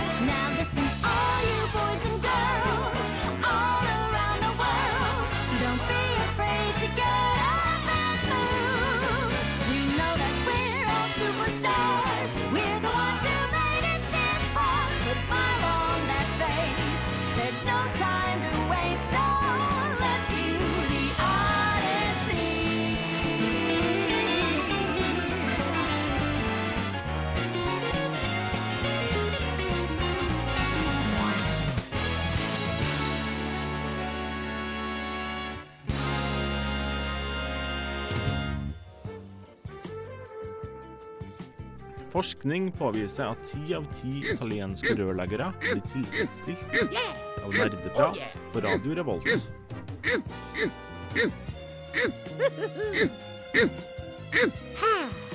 Radio Revolt. Mario's favorite.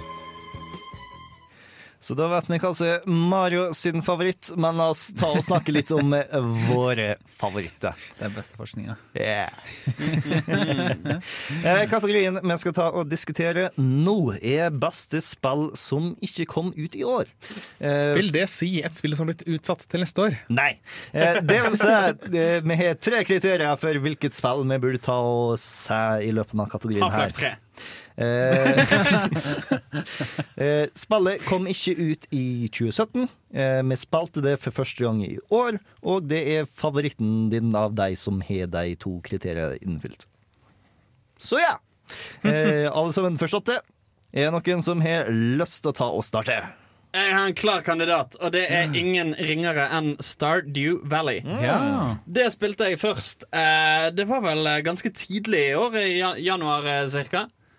Å, fy faen, for et koselig spill! Altså, jeg har, jeg har aldri uh, hatt noe særlig sansen for sånn farming sims uh, tidligere. Aldri spilt noe Animal Crossing eller noe sånt. Men så var det mange som jeg stoler på, som sa at Stardew Valley er dope shit, så jeg eh, tok og uh, kjøpte det og begynte å spille det. Og fytti grisen så meditativt og deilig det er.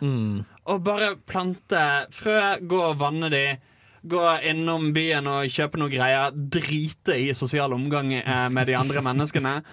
Eh, gå og hogge litt stein og få mineraler så du kan kjøpe deg bedre utstyr. Og så bare ha en sånn loop hvor en bare går rundt og fikser litt på gården. Eh, det er noe sånn Altså, altså det er nesten som sånn herre em, japansk sandhage. Eh, hvor du driver og raker litt i sand og flytter på noen steiner. Jeg vil si meg egentlig veldig enig der, fordi at som oftest når jeg tenker å spille spill, så føler jeg at det tar energi ifra meg. Jeg kan ikke spille lenger, fordi at etter hvert så blir jeg bare så sliten i hodet av å spille. Men med Stardew Valley så er det tvert om. Ja, ja. Er Hvis jeg er skikkelig sliten, så er det sånn Det å sette meg ned med Stardew Valley, det er noe av det beste jeg kan gjøre for hodet mitt, egentlig. Ikke sant? Og hele, måte, hele greien med Stardew Valley er at det handler om en fyr som har en kjip kontorjobb. Og som tenker vet du hva, fuck dette. Eh, jeg skal tilbake til liksom, de simple, enkle verdiene. Jeg skal ut og starte gård. Og det er litt den samme følelsen jeg får av å spille spillet. vet du hva? Livet er en tornado av eh, vanskelige ting som blir kastet mot deg. Men det er en liten digital gård som venter på meg der, som bare trenger litt vann og kjærlighet for å klare seg. Uh, og jeg har masse vann og kjærlighet til overs. Eh, Hvor masse har du spilt av spill, egentlig? Eh, jeg har spilt eh, altså ett og et halvt år i spillet. Eh, så jeg er vel på min sommer nummer to, tror jeg. Ja.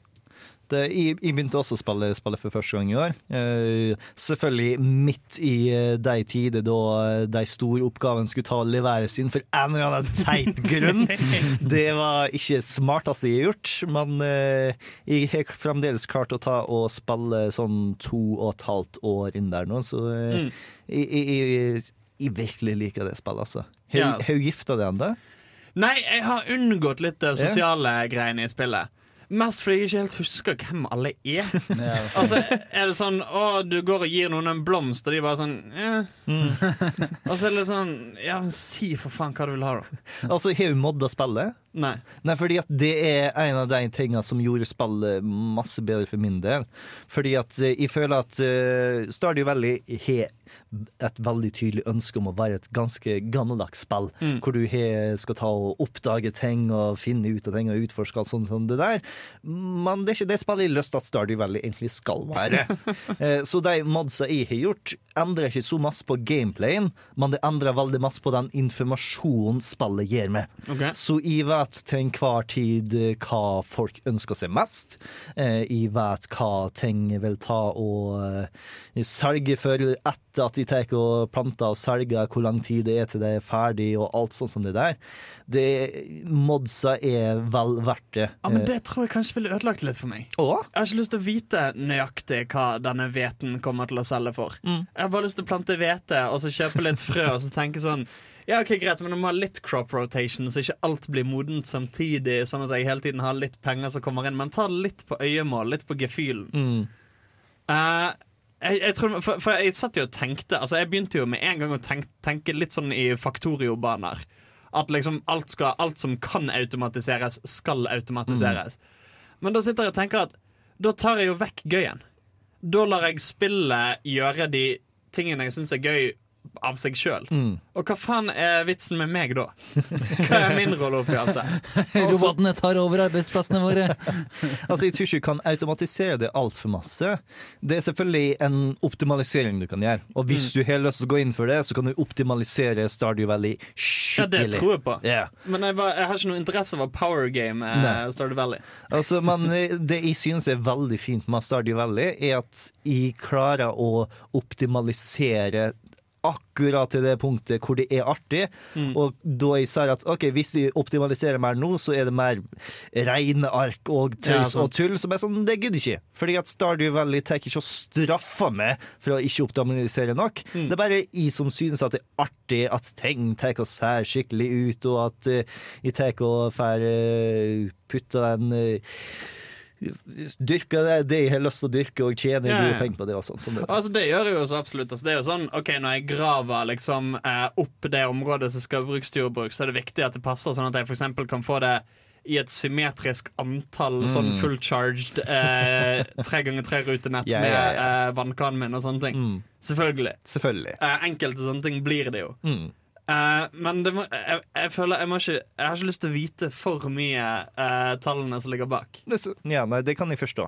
Men eh, for min del, eh, med mods så gjorde det at Stardew Valley så slapp jeg å ta og gruble for masse på ting på, og huske ting. Det er det som kanskje er mest irriterende for min del. At eh, jeg kan lære meg ting, men så må jeg også klare å huske det i ettertid også. Og da er det bare enklere å ha en mod for det. Jo, men da var det òg litt sånn at Altså, jeg òg glemte jo ting. Sånn Altså, jeg vet ikke, Det føltes som en sånn herlig, sånn lite komplisert utgave av hverdagen. Hvor jeg bare går rundt i Stardew Valley og vanner plantene, og, og så bare sånn Det var noe jeg skulle i dag. Hva faen var det jeg skulle i dag? Og så plutselig Å, helvete! Det er en fest i byen! OK, jeg må finne noe jeg kan ta med meg og slenge i gryten. Helvete! Har jeg spart noe? Har jeg noe som er klart til å høstes? Hva faen gjør jeg? Det ble litt sånn Det var sånn ting som dukket opp på en veldig sånn organisk og naturlig måte. Gjennom å ikke følge så godt med underveis og ikke ha alt uh, skriftlig. Mitt problem med Stardew Valley er at jeg har vært veldig oppslukt av det en periode. Og så kom eksamensperioden, og så var det litt sånn tre uker der jeg ikke spilte Stardew Valley.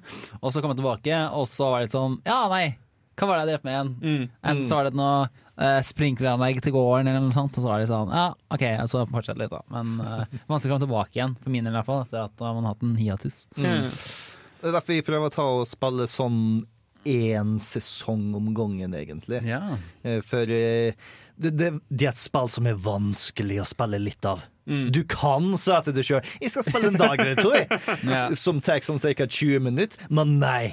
Du spiller minst en Ja, uke. ja, ja. Minst! Å, men tomaten er nesten ferdig, så bare et par dager til så kan jeg høste de, og så kan jeg plante nytt. Å, men å, for nå regner det, så det betyr at jeg kan ta en hel dag i um, gruvene og hogge stein.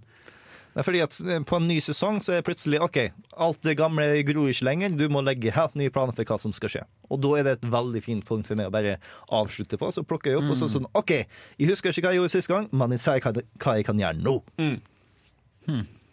Eh, Chris, hva er det beste spillet du har spilt i år, som ikke kom ut i år? Uh, Batman Arkham Knight. Uh, for at uh, Batman Arkham Knight hadde jo Ja, for at det hadde jo kjempestore da det kom ut. Eh, det var jo så ille at uh, iallfall PC-moden, nei PC-utgaven, var så ille at de måtte slutte å selge den. Ja. Så reparere den, og så hadde de problemer igjen, og så reparere den enda mer. Jesus. Men nå, flere år senere, så er det fantastisk, for nå funker jo alt sammen. Ja. Og det er et kjempebra Batman-spill. Det er jo i den Batman Arkham-serien, som har eh, kommet ut to spill ut av tidligere, tror jeg. Du har hatt Arkham Asylum og Arkham City. Og så Og Origins. Or Origins. Ja, en som origin- ja. ikke var av samme utviklerne og generelt satt litt ned på. Ja, men generelt, altså det, jeg syns det er egentlig det aller beste. For jeg syns Det kombinerer Det er så kult da, så er liksom at fra Batman Arkham Asylum, der liksom du hadde et lite område Eller du hadde liksom et bygd du forholder deg til, og så plutselig så har du en svær by, og nå har du en svær by og Batmobilen. Da eh, ble det ganske nice. Eh, og jeg vet ikke, jeg syns den gjør en fortsatt god jobb av å liksom få deg inn i hele det her Batman-universet uten å liksom ha lest eller sett så mye Batman fra før. Altså, vet ikke, for min del Altså, jeg har kun spilt uh, uh, City og uh, Asylum. Eh, men jeg merket at Altså, jeg syns foreløpig at Asylum er favoritten min nettopp fordi at det ikke er så åpent. Altså, City ble litt for stort for meg. Ja. Eh, det, det ble litt utvannet. Jeg likte litt bedre den følelsen av å sitte inne i krokene og litt den derre eh, 'jeg er ikke fanget her med dere, dere er fanget her med meg'-følelsen. Ja, fordi at det som liksom er forskjellen på eh, Asylum og City, og da går vi tilbake til det som er trenden din for eh, dagen, Hans, Hans, det er at Metroidvania. Ja. Mens mm. City er mer en sandbox-spill. Ja. Eh, noe som gjør at jeg også foretrekker Asylum egentlig over City. Eh, I hvert fall sånn som jeg tenker akkurat nå. Det er Ja, Av og til så foretrekker jeg City. Jeg synes det at det- det Arkham City på en måte fiksa, da, for at da har du Batmobilen. Og liksom, jeg tror de snakka om at de hadde utsatt hele spillet med sånn to-tre måneder bare fordi de ville gjøre Batmobilen kul. Og det er den. Og det synes jeg den får til på en kjempegod måte. Og nå eh, Jeg tror byen er relativt mindre også. Ja, ok Nei, fordi, altså Nå har jeg ikke spilt Arkham Knight, så jeg vet ikke hvordan liksom, eh, sandkassefunksjonene fungerer der. Men jeg kjente at altså, Batman-spillene for min del trengte ikke være det. For du har liksom ikke den GTA-greia med at du kan bare gå rundt og loke. Ja, det er. Det er ikke så mye å finne på i Arkham City eh, utenom å gjøre missionsene. Du kan gå og samle ting Mm. og Ja. løpe fra A til B. Det er liksom det du har det å er jeg veldig enig i. Og at uh, da så blir en Arkham Asylum Nei, ja, Arkham Asylum på en måte bedre, for da får du mye mer tid samla rundt et område. Mm. Kontra at du har liksom en svær by der man må svisje forbi alle bygningene ganske Ja, kjapt. Fordi at, ja. Altså, tenk altså alt alle liksom missionsene som er sånn kom deg fra uh, Jokeren sin plass til Mr. Free sin plass, kunne vært erstattet med en cutscene, og jeg tror spillet ikke hadde tapt noe på det. Men prøv Arkham City! Det tror jeg faktisk er en bedre take enn det Arkham eh, Nei, Arkham, nei, Arkham Knight, men nei, sorry. Eh, for at eh, det, jeg syns det gjør en veldig fin eh, oppsummering. Da. Mm. Uh, og det er et type spill som nesten kunne hatt bare for storyens skyld, om ikke uh, gameplay også. Og gameplayet er et av de desidert bedre. Altså, de har jo bare tatt det beste fra alle Batman-spillene, og så putta det i en smokk, da. Mm. PC-porten funker nå. Ja, det den funker faktisk! wow! så ja. Så det er klar bane til Arkham Knight på PC. Ja. Torben, hva er Ja. det beste spillet du har spilt i år, som ikke kom til i år? Det må være litt kjedelig. kjedelig. Jeg kan ikke komme på et spill. Nei, det, har- det nærmeste jeg kommer, er at jeg spilte re-releasen av Mario Kart 8, Mario Kart 8 Deluxe. Men jeg spilte jo Mario Kart 8 da det kom ut, yeah. til døde. Så Så du spiller kun box fresh-spill? vanligvis ikke. Men akkurat i år så har det blitt det. Det er vel kanskje fordi at eh, du har spilt veldig masse Switch, og Ja. det er vanskelig å spille Switch-spill som ikke er kommet i år. Og før Switchen kom ut, så var jeg den kjedelige fyren i studio som uh, satt at nei, jeg har ikke spilt noe siden sist. så det har vært litt uh, Switchen uh, fikk meg til å spille spill igjen. Mm. Men uh, da har jeg ikke spilt så mye spill som uh, ikke, kom, ikke kom ut i år. Nei, ok. Men det er fullt lov, det. Eh, for min del så er jeg litt glad for at eh, Hans eh, trakk frem Stardew Valley, fordi at jeg sto og vippa mellom to spill, hvor Stardew Valley var en av dem. Så nå slipper jeg å ta og snakke om Stardew Valley, så jeg kan snakke om det andre spillet som jeg virkelig likte, som kom ut i fjor, og det er Hitman. Eh, Ja vel. ja. Eh, Det var et eh, episodebasert eh, spill hvor du har fem episoder hvor hver episode var en ny eh, plass. Hit Agent 47 skulle ta og drepe noen. Og når det først kom ut, så var det liksom det, var- Du fikk litt lite for pengene, egentlig, og det var litt tomt og kjedelig. Men for noen som tok og kjøpte etter at eh, alt sammen har kommet ut, så er det masse du får for pengene. Fordi at de har tatt og oppdatert det med masse nye, kule ting i ettertid. Og eh, jeg var kjempeglad i eh, Blood Money, Hitman Blood Money, når det kom ut tilbake i tida.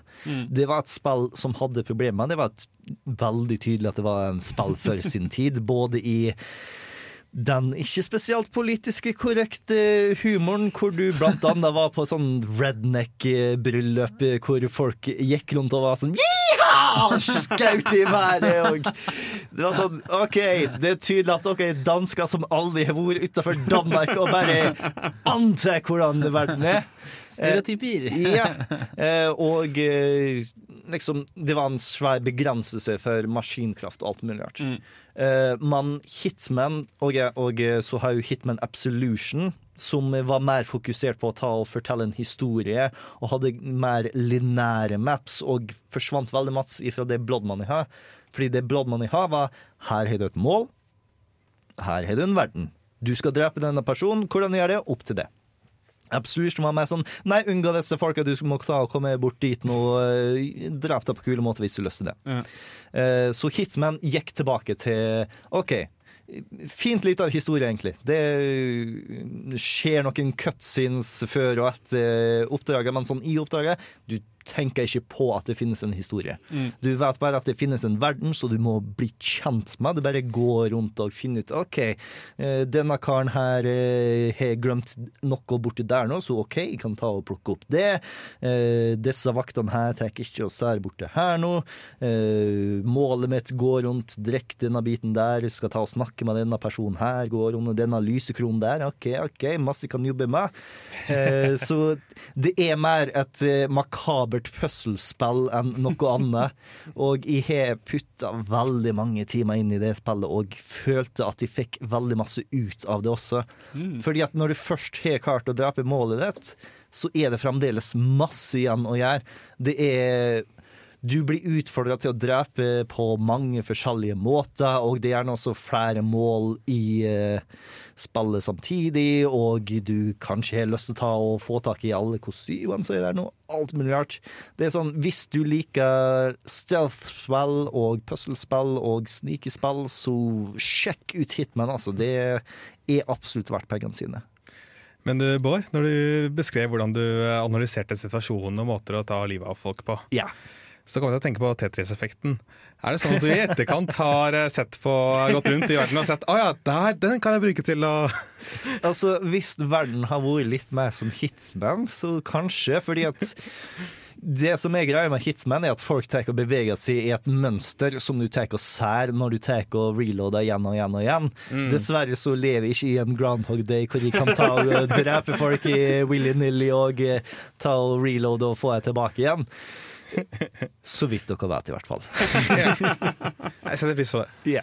Artig at du nevner, for jeg lever nemlig i en sånn situasjon. Dette er den tusende gangen vi har denne sendingen.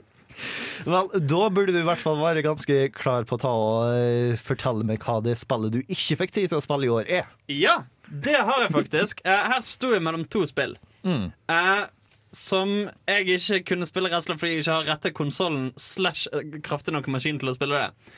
Det sto mellom Resident Evil 7 og The Last Guardian. Og jeg tror jeg lander på The Last Guardian, fordi fy faen så bra det ser ut.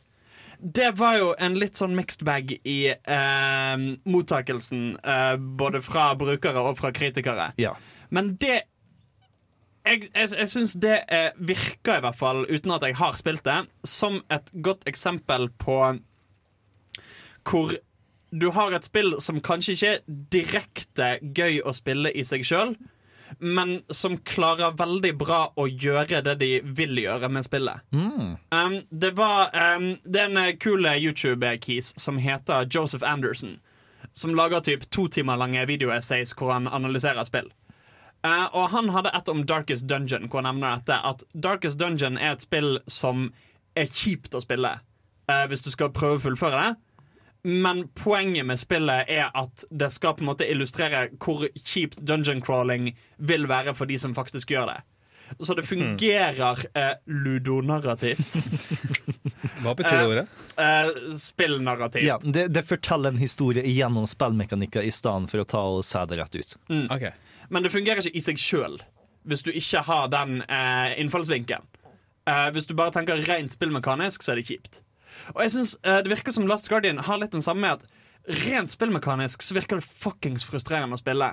Men det er fortsatt den beste Altså ut ifra det jeg har sett, den beste simulatoren av å ha et svært vilt dyr som du prøver å få til å lystre det du eh, gjør, eh, uten å ha noe forhåndstrening.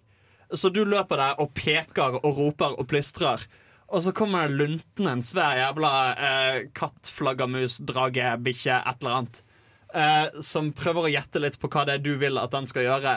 Og så må dere sammen løse puzzles. Jeg syns om ikke det virker som et jævla i hermetegn bra spill, så virker det som et jævla interessant og unikt spill. Eh, som jeg har forbanna lyst til å spille hvis jeg bare en gang klarer å skrape sammen penger og vilje til å kjøpe en PlayStation 4. Yeah. For å ta, sette det spillet litt i kontekst. Uh, det her er det tredje spillet som ble utvikla av Team Ico, som tidligere har utvikla de to spillene Ico og Shadow of the Colossus uh, på PlayStation 2. Og så begynte de å utvikle det de kalte Trico, som ble The Last Guardian. I evig lang tid! Det var liksom De utvikla det originalt til PlayStation 3-en, men siden Shadow of the Colossus kom ut på PlayStation 2-en, og ingenting kom ut på PlayStation 3-en, så kan du forstå at det er et langt eh, ventestykke.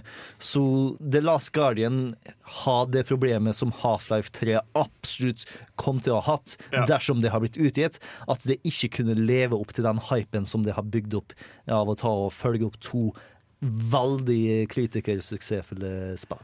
Altså, både ja og nei. Altså, jeg tenker Jojo, selvfølgelig. Det var mye hype rundt spillet. Men jeg syns kanskje at altså, den den opphypingen til spill er jo ofte bygget, knyttet til spektakulære ting.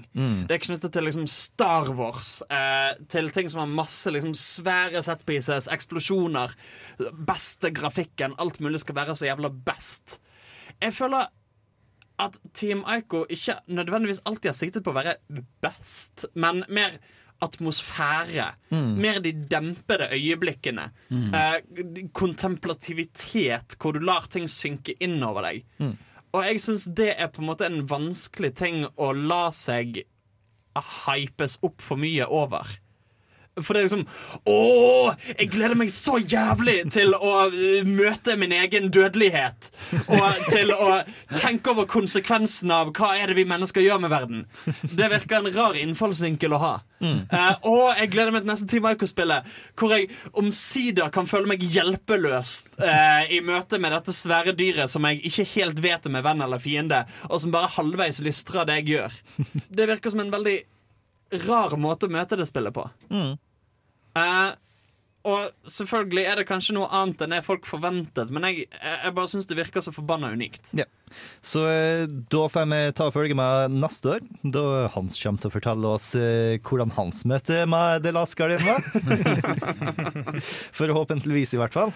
Vi får håpe det. Eh, Torben, Ja. hva slags spill var det som kom ut i år som du skulle ønske du hadde hatt tida til å spille? Jeg har en, to kandidater. Mhm. Det ene er Cuphead. Som jeg mistenker ville vært min indie hvis, ikke, hvis jeg hadde faktisk hatt tid til å spille det. Mm. Jeg har jo ikke noen Xbox, men jeg har en PC som kjører Windows. Riktignok så booter jeg den opp i Windows sånn hver tredje måned. Så da venter det en time med oppdateringer. Eh, Men eh, det kunne vært eh, det er et type spill som jeg tror jeg kunne likt, altså. Mm. Med at det er en utfordring. Og jeg liker å skulle hanskes med utfordringer. Jeg likte jo for eksempel VVVVVV.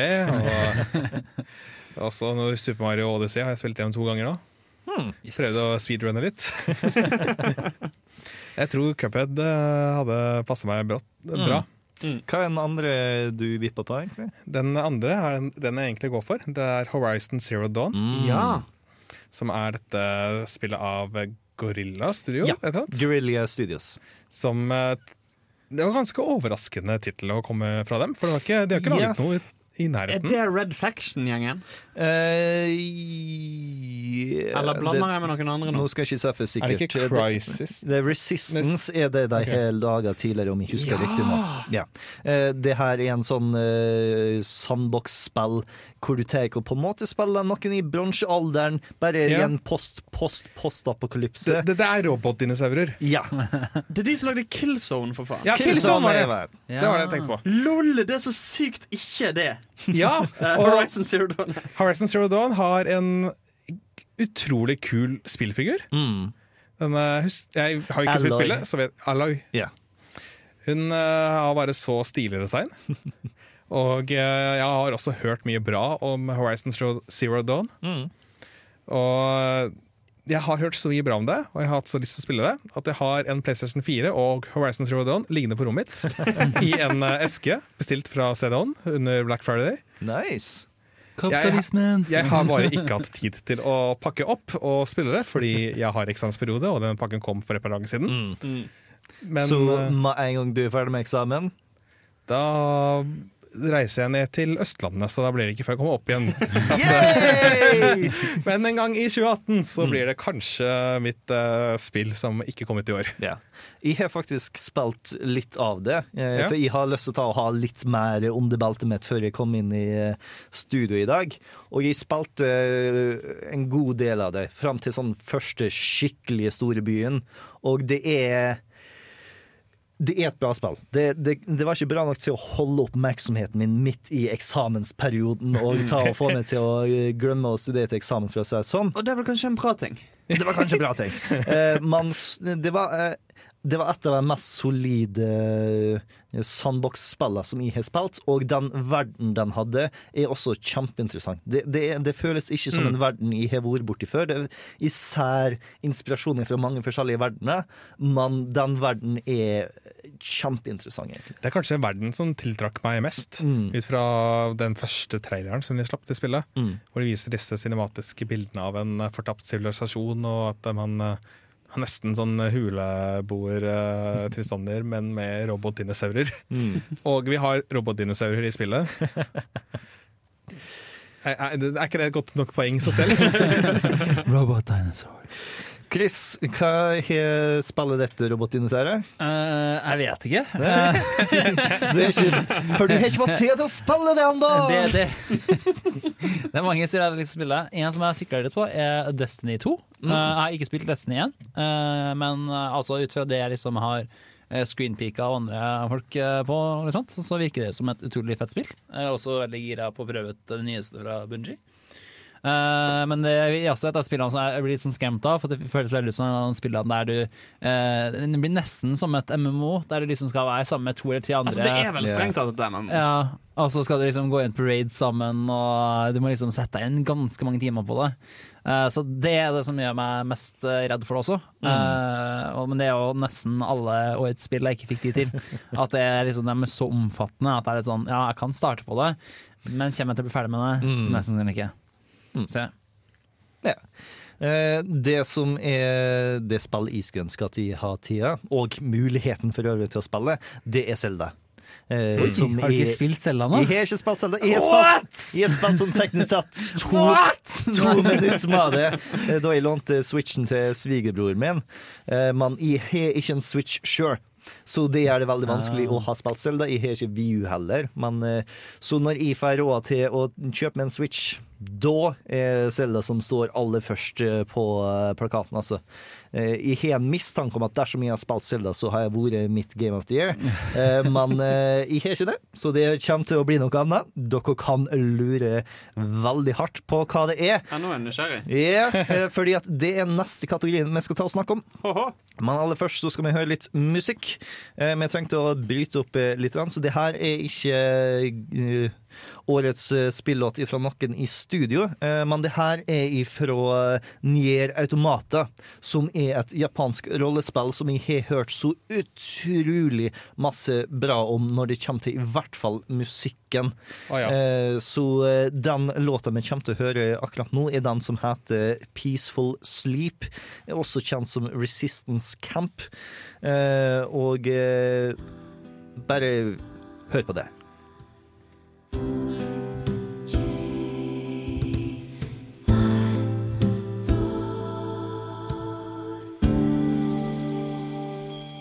Peaceful Sleep ifra Nier Automata, som anbefalt av Jens Erik der nå. Og da har vi tatt og kommet til den store kategorien Årets spill.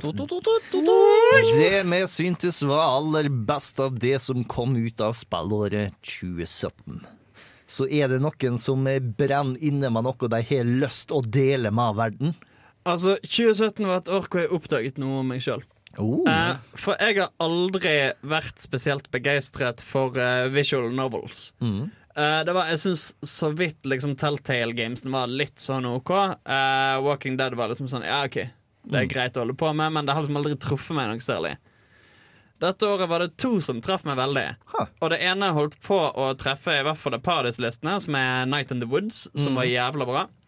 Eh, men det spillet som gjorde størst inntrykk på meg i år, og som er et spill som ikke Altså, det tok kanskje si tre-fire timer å spille gjennom uh, plottet. Men jeg satt kanskje like lenge etterpå og bare måtte bearbeide alle inntrykkene jeg hadde fått. Uh, det er What Remains of Edith Finch. Mm. Eh, det er en uh, sånn visual novel hvor du Det er vel mer enn det jeg kaller så fint walking simulator. Ja, for, for visual eh, novel er noe annet. Det er når du kun har bilder på skjermen og du får massevis av Ja, tekst riktig. som du må lese. OK, Walking Sim, nå. I hvert fall. Du spiller da eh, tittelkarakteren Edith Finch, som returnerer til barndomshjemmet. Hvor uh, hun eh, vokste opp og har flyttet fra for noen år siden, og så vender hun tilbake som 17-åring. Basically egentlig bare for å finne ut litt hva er denne slekten jeg kommer fra. Og da er poenget at du kommer til et hjem hvor veldig mange av dørene er barrikaderte eller låste eller forseglet. Fordi at alle familiemedlemmene siden denne familien kom til Amerika, har hatt hvert sitt rom i et sånn altså, altså Det ser nesten ut som det er huset til Wiltersen-familien i Harry Potter. Hvor de bare har slengt på rom alt etter hvert så de fikk nye familiemedlemmer. Uh, og alle har dødd under tragiske omstendigheter. Oh. Og så går du gjennom hvert rom bare for å finne ut hva var det egentlig som skjedde. Og gjennom ulike små minigames så får du oppleve i hvert fall en fortolkning av hvordan det var det mennesket døde. Og altså Det er enkelte av de minispillene som bare gir en så forbanna heftig dybde til det spillet prøver å fortelle deg. Hvor Altså, Det er et spill som er vanskelig å snakke om òg. Fordi gjennom å beskrive det, så spoiler en opplevelsen av Nettopp. å gå rundt og oppdage det.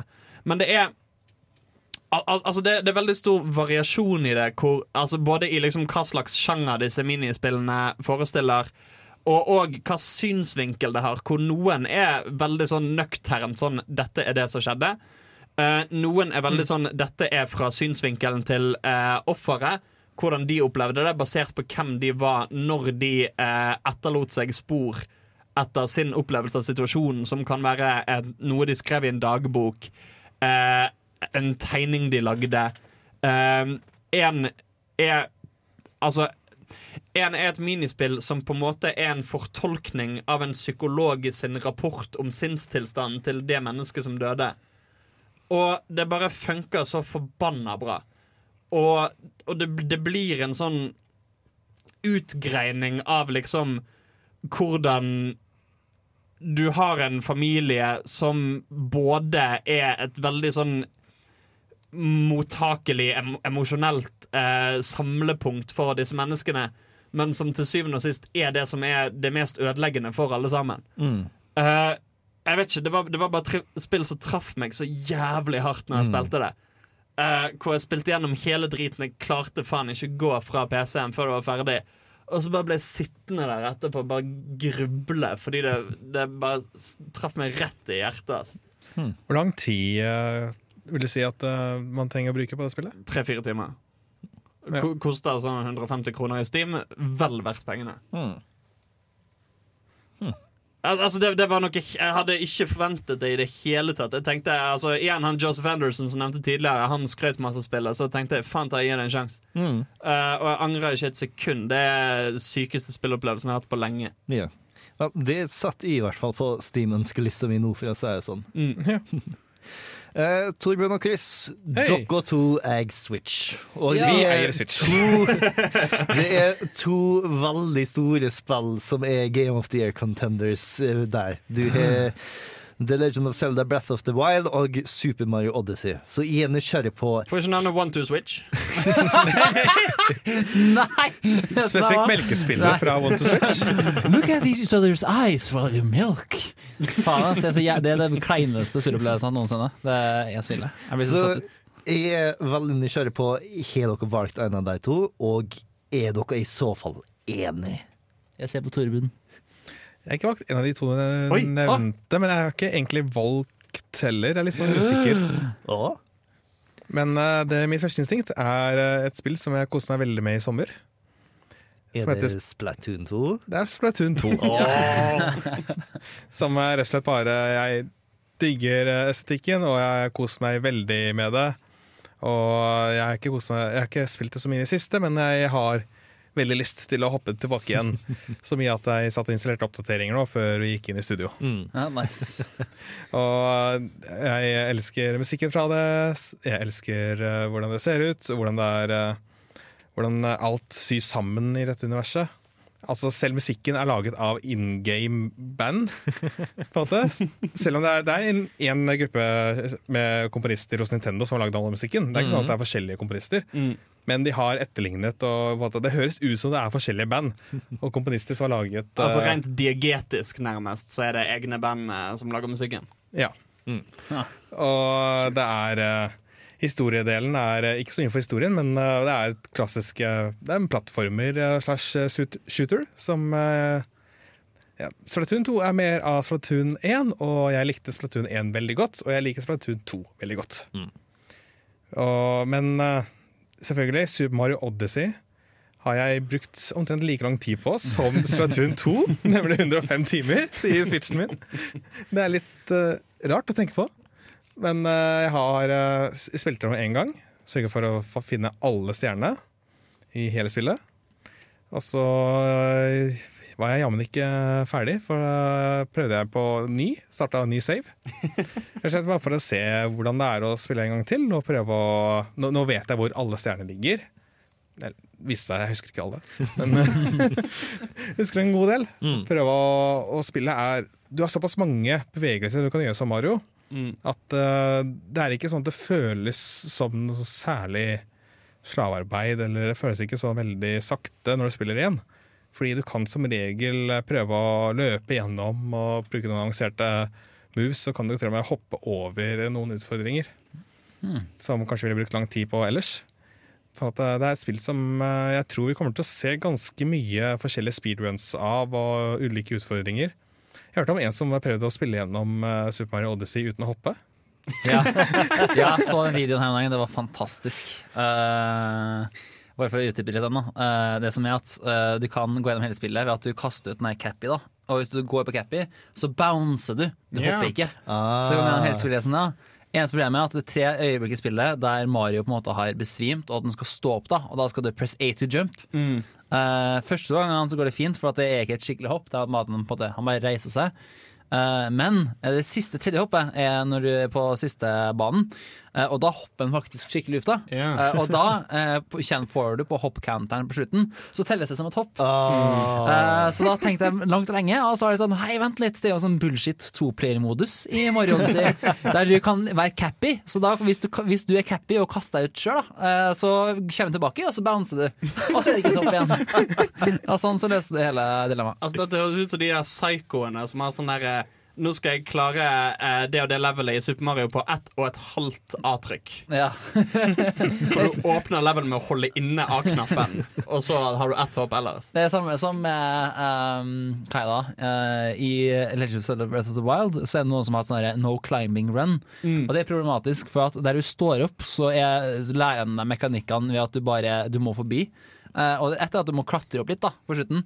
Så det en Twitch-stream gjorde, var bare å i flere timer bare dytte på kistene sånn som var i det rommet. På en sånn måte at man kunne klatre oppå dem da, til slutt. da Så jeg satt der liksom Å, vent, du kan bruke den! Og så tok de og stabla det, og så tok de liksom og dytte tilbake alt sammen. De måtte dytte en boks, og så måtte de dytte en kiste opp trappa, og så fant de dette på boksen, og så dytte hele driten bort igjen. da Slik de hadde stabla det oppå hverandre. Og nei, det var Nei, det fantastisk. Men eh, ja, Super Mario Odyssey tror jeg kommer til å se veldig mye gjenspillbarhet gjennom årene. Og jeg tror kanskje den også vil stå seg ganske godt i årene som kommer. Splatoon 2 er kanskje ikke like eviggrønt, tror jeg. Siden det er som i dens natur at det er et flerspillerspill i bunn og grunn. Sånn at eh, hvis det, er noe, hvis det kommer om noen år, så er det ikke lenger sånn Splatfest, som er denne en event som skjer jevnlig, hvor du skal velge et lag og så kjempe for det laget. Men det er jo noe Nintendo setter i gang hos sine servere. Hvis om noen år så vil jo ikke det lenger være en ting. Mm. Så på et eller annet tidspunkt så vil jo server, ser- serverne skrus av også. Men i herrens år 2017, i det året, så er Splatoon 2 best i din bok. Ja, jeg har kost meg så mye med det. Yeah. Men det er også The Legend of Zelda Breath of the Wild syns jeg også kommer ganske nærme. Mm. Men jeg prøvde å fortsette litt på det i sommer. Jeg kommer nok til å prøve å fortsette på det også. Jeg har ikke fullført det. Mm. Men jeg følte en slags at det, Å, det er så mye.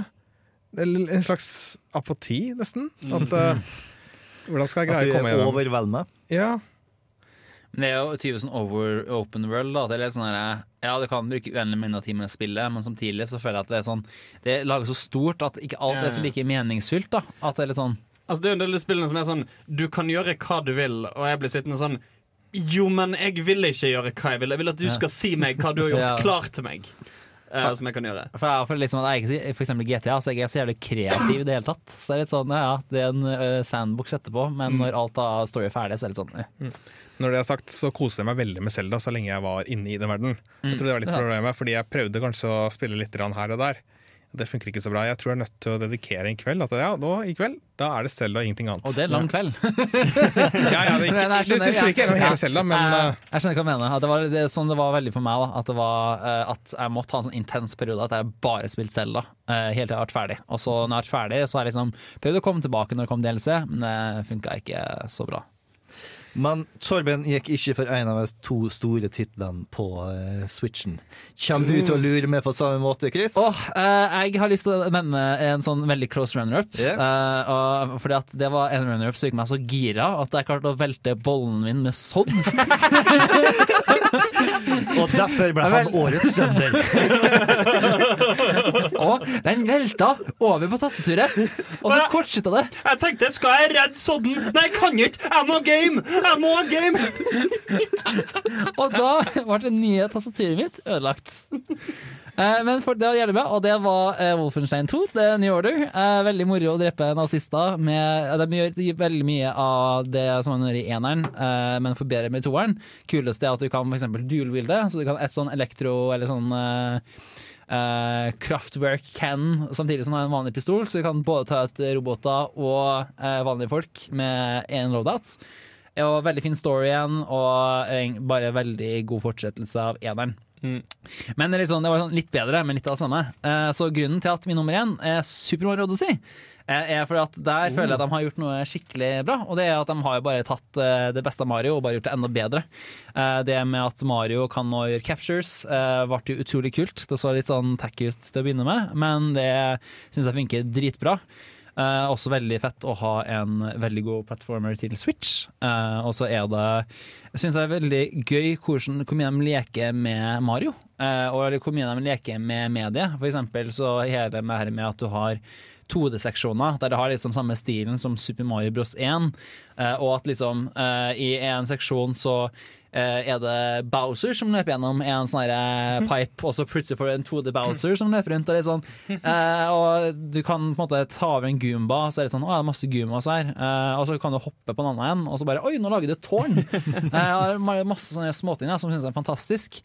Uh, eneste som jeg syns er litt synd, er at jeg synes at uh, det er én level som er dødskul, og det er den første du spiller på, og det er den ørkenverdenen. Og den er kjempekul, for den starter med at uh, hele verden på en måte er frossen. På en måte en eller annen sånn uh, vær... Jeg, skjønner ikke hva det var, men det var en eller annen sånn frostmonster som var under bakken et sted. Uh, så alt var frosset, og når du tar og slår første tempelet, så åpner neste del seg ved at det flyter opp en sånn svær pyramidegreie.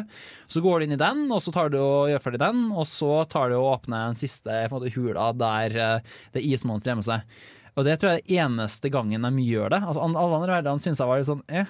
Eh, altså, noen av dem var bra, eh, men det var liksom Én var at eh, du skulle basically du, Det er sånn Lake Kingdom, der du svømmer gjennom en tunnel. Og så hopper du opp et par steg, og så slår du bossen, og så er det ferdig. Og det var liksom den verdenen. Og det syns jeg var veldig skuff, da, eh, når man har på en måte en så god som Sand Kingdom før. Eh, Men all in all altså, så synes jeg det er et utrolig utrolig bra spill. Og det gjør jo det som et spill bør gjøre. Og det er at den slutta jo på et punkt der jeg ville ha mer. Eh, og så var det sånn Nei, men nå er vi ferdig. Eh, og det, synes jeg er jo kjempebra. Uh, og det er også et av de første spillene der jeg har vært sånn full completionist.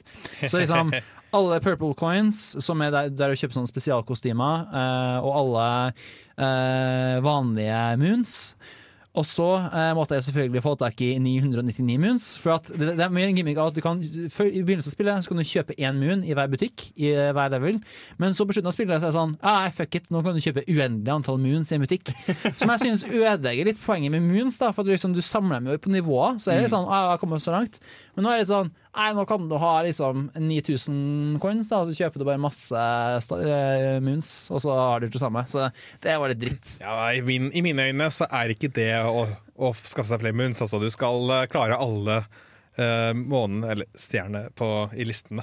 Ja, og så er det så utrolig gøy med liksom at når vi kjenner forskjellige deler av spillet, at de bare det, det er så tydelig at de bare har hatt sånn svær idémyldring og tenkt hva kan vi gjøre her, og så gjør de noe skikkelig kult ut av det. Uh, og det er bare fantastisk. Har spart mye til slutt nå. Ja, og så er det kjempemye referanser til gamle Mario-spill, som Ja. er utrolig gøy. Uh, Men spillet klarer seg fint, og på egne ben også. ja. Ja, det er fantastisk. Altså, nei, Nå overrasker dere meg veldig at ingen i studio har Zelda som sin Game of the Year. Det, jeg vil nok si at kanskje grunnen til at Mario er på toppen av min, er for at det er mer nylig. Mm. uh, var veldig tidlig, pluss at eh, jeg sliter litt med at jeg syns Open er gøy, men det som var problemet med Selda, var at det var utrolig gøy når det var mye nytt. Men når jeg liksom hadde spilt 100 timer og utforska alt, så var det litt sånn ja ja, men nå er det ikke så mye. Nå er det sånn eh, For to uker siden så kom det en motorsykkel, så jeg er sånn, ah, ok, kanskje jeg skal prøve å kjøre rundt i den i fem minutter, liksom. Men det er ikke noe nytt å se for min del. Jeg kan liksom samle, samle 900 Corox seeds og få en gullbæsj fra en eh, eh, fyr med maracas, men ellers så er det liksom ikke, det er ikke så mye mer. da Men det var en utrolig fet opplevelse, så jeg tror det bare kan, det kan være et tidsspørsmål. Men jeg tror også litt for at jeg så at nå var Jens Erik, tror jeg, som også har skrevet at det er hans, så det kan være litt av. Ja, tusen takk for å avsløre Ja. det, Chris. That's why! Yeah. Fordi at det er de to eksterne nerdepraterne våre har nemlig Selda som sin Game of the Year. Både Anders og Jens Erik har Selda på toppen sin, hvor Jens Erik begrunna det med at 2017 har vært et knallår for Nintendo. Breath of the Wild slår et slag for sandkassespill som ikke leder det etter hånda, og som lar det oppdage ting på egen hånd, og lar det skape dine egne spilleregler. Ja, det likte jeg veldig godt. Nintendo har tatt Zelda-serien til nye høyder med å radbrekke den tradisjonelle strukturen og gi oss et spill der det alltid er noe nytt å oppdage. For det syns jeg er litt uh, samlepunktet til både Mario og Zelda. Det er ikke bare det at de er på Switch, men det at de har tatt det gamle og bare sånn La oss gå bort ifra det. La oss uh, beholde det som fungerer, men la oss oppfinne veldig masse nytt. Og det er derfor Zelda var det spillet i forestiller meg veldig lett har vært mitt Game of the Year, men som ikke gjør det, fordi at jeg har ikke spilt det. men det spillet jeg har spilt, som er mitt Game of the Year, og som jeg ikke har noe som helst problem med å kalle mitt Game of the Year, er Persona 5. Yeah. Hvem skal tro det? For først, jeg var stor fan av Persona 4 da det kom tilbake i, i tida. Og Persona 5 klarer liksom å gjøre alt det Persona 4 ikke klarte å gjøre skikkelig. Det er sånn Alle eh, tingene som irriterte meg i Persona 4, borte vekk i Persona 5. Og alt er forbedra. Det er det stiligste spillet som har kommet i år. Det er sånn hvert eneste skjermspillet bare oser av stil. Eh, og eh, selve spillet er et japansk rollespill. Hvor eh, på dagtid så er du high school student i Tokyo, og på kveldstid så er du mestertyv som tar og slåss mot eh, mytologiske vesener i en eh, underbevisstheten Det er et merkelig spill, men det er kjempestilig. Eh, og det som gjør kanskje at de liker så veldig godt, er at mens du er high school student, så skal du leve et relativt normalt liv, eh, og hvor du gjør veldig dagligdagse ting, og det vel, veldig masse handler om å sosialisere seg med folk. Fordi at eh, siden den eh, underbevisste verden som vi slåss i, er basert på psykologi. Eh, det å ha sterke sosiale eh, bånd med folk i den virkelige verden, gjør at du blir sterkere i den andre verden. Så veldig masse av det går ut på å ta og bli bestekompis med en hel haug med fantastisk skrevne karakterer. Og de som er på laget ditt, du blir skikkelig god venn med. Det er sånn Persona-serien har klart å gi meg like gode fiktive venner som jeg følte at Harry Potter-serien ga meg. Hvor de eh, møter deg på nytt og bare sånn Å, vi har hatt så mange gode øyeblikk sammen! Åh.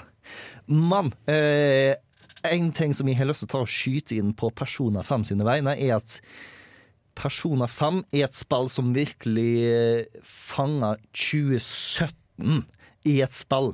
Fordi at det er en hel haug med ting som skjedde i 2017, som skjer i Persona 5. Som ble laga før 2017 selvfølgelig skjedde. For eksempel, den første Altså, en av greiene med spillet er at eh, du har en hel haug med folk i Eller de som blir bossa i den andre verden, er vanlige folk som er i maktposisjoner i den virkelige verden, som misbruker den makten sin og har et sånt enormt ego at de tar og skaper et palass i den andre verden som du har nødt til å ta og snike deg inn i og stjele en skatt ifra, for at de skal ta og eh, få eh, samvittighet tilbake og eh, bli gode mennesker igjen. Uh, Bar, driver du og bygger opp til noe og si at Donald Trump er en skurk i Persona 5? Jeg tar også at det finnes en populistisk eh, politiker som har tatt og undergravd demokratiet, tatt og kjørt en hel haug med eh, forskjellige underhanded eh, ting, og som har et enormt ego. eh, som, er, Som heter Ronald Crump. Nei, han heter noe japansk noe. Eh, så du har den biten av 2017. Du har også eh, den aller første skurken, er en gymlærer eh, som ikke bare har tatt og eh, pusha en hel haug med sånne sportslag masse lenger enn noen burde bli pusha, sånn hvor de har fysisk vondt av det, men som også har seksuelt antasta en del av studentene på Ja. skolen. Så hei, der har vi metoo! Eh, eh, fordi at eh, ei, hun- ei av de første du får på laget ditt, er ei som har blitt kunne lett skrive en metoo-kommentar om denne karen her, som blir meg inn i verden, sparker ræva til skyggeversjonen av oss, og han ender opp med å ta og gi en sånn tårevåt unnskyldning til alle sammen om de eh, stakkars studentene som han har behandla helt for jævlig. Eh, og for å bare ta og putte på toppen av alt sammen, så har vi en sånn fin liten hackergruppe som har tatt og påvirka hvordan eh, verden tar og oppfatter hvordan ting faktisk fungerer. Så ja! Japan Anonymous. Ja. 2017, folkens. Det, eller 20XX, som personer tenker å kalle det. Eh, så eh, ja. Hvis du har lyst til å gjenoppleve dette året her, bare hvor du kan ta og sparke ræva til de som tar og fortjener å få ræva si sparka, plukk opp Persona 5. Det er sånn 100 timer langt, men eh, det er 100 timer som jeg ikke angrer et eneste sekund på, for å si det sånn. Og Persona 5 er også det spillet med de kuleste menyene, så vidt jeg har sett av screenshots. Å ja. Dritstilige menyer. Det er som sagt, det oser av stil. Det er like masse musikken og det visuelle og alt som er bare dritkult. Men det var våre spill for eh, 2017. Så eh, nå kan vi ta og runde av både sendinga og spillåret 2017. Eh, Så eh, vi møtes igjen neste gang. Kanskje noen mer enn andre, sier jeg tar og stikker tilbake til Hamar og ikke eh, kommer til å høre fra meg med det aller første. Men Nerdeprat kommer selvfølgelig tilbake. Eh, Dersom du har lyst til å bli med i Nerdeprat, så eh, kan det kanskje bli noen muligheter for det på starten av semesteret. Så ta og hold øynene dine åpne for hva som skjer når samfunnet har opptak på starten av vår semester. Si på intervju at du liker sådd, så går det kjempebra. Jeg lover. Og eh, hvis du ikke har lyst til å bli med i Nerdeprat, men du liker Nerdeprat allikevel, så har jeg et ønske for jul.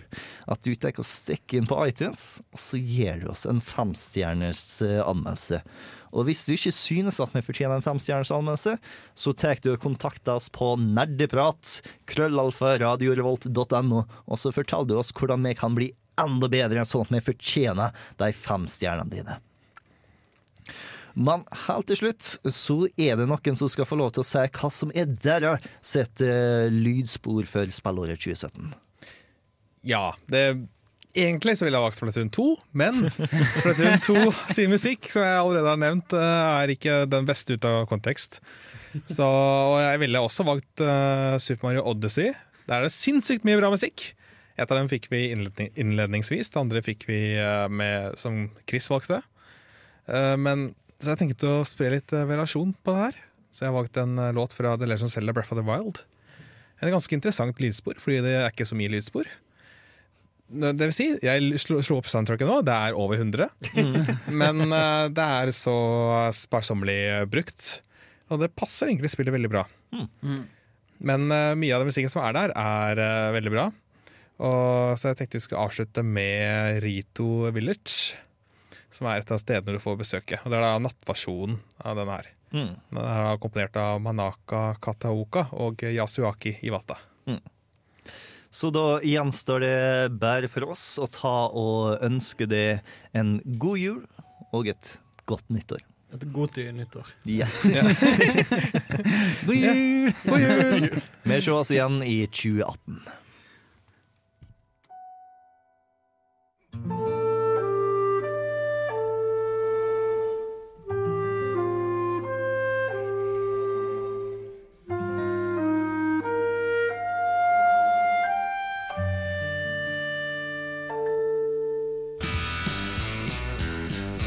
Du lyttet nettopp til en podkast fra Radio Revolt. For å høre flere av våre podkaster, gå inn på radiorevolt.no.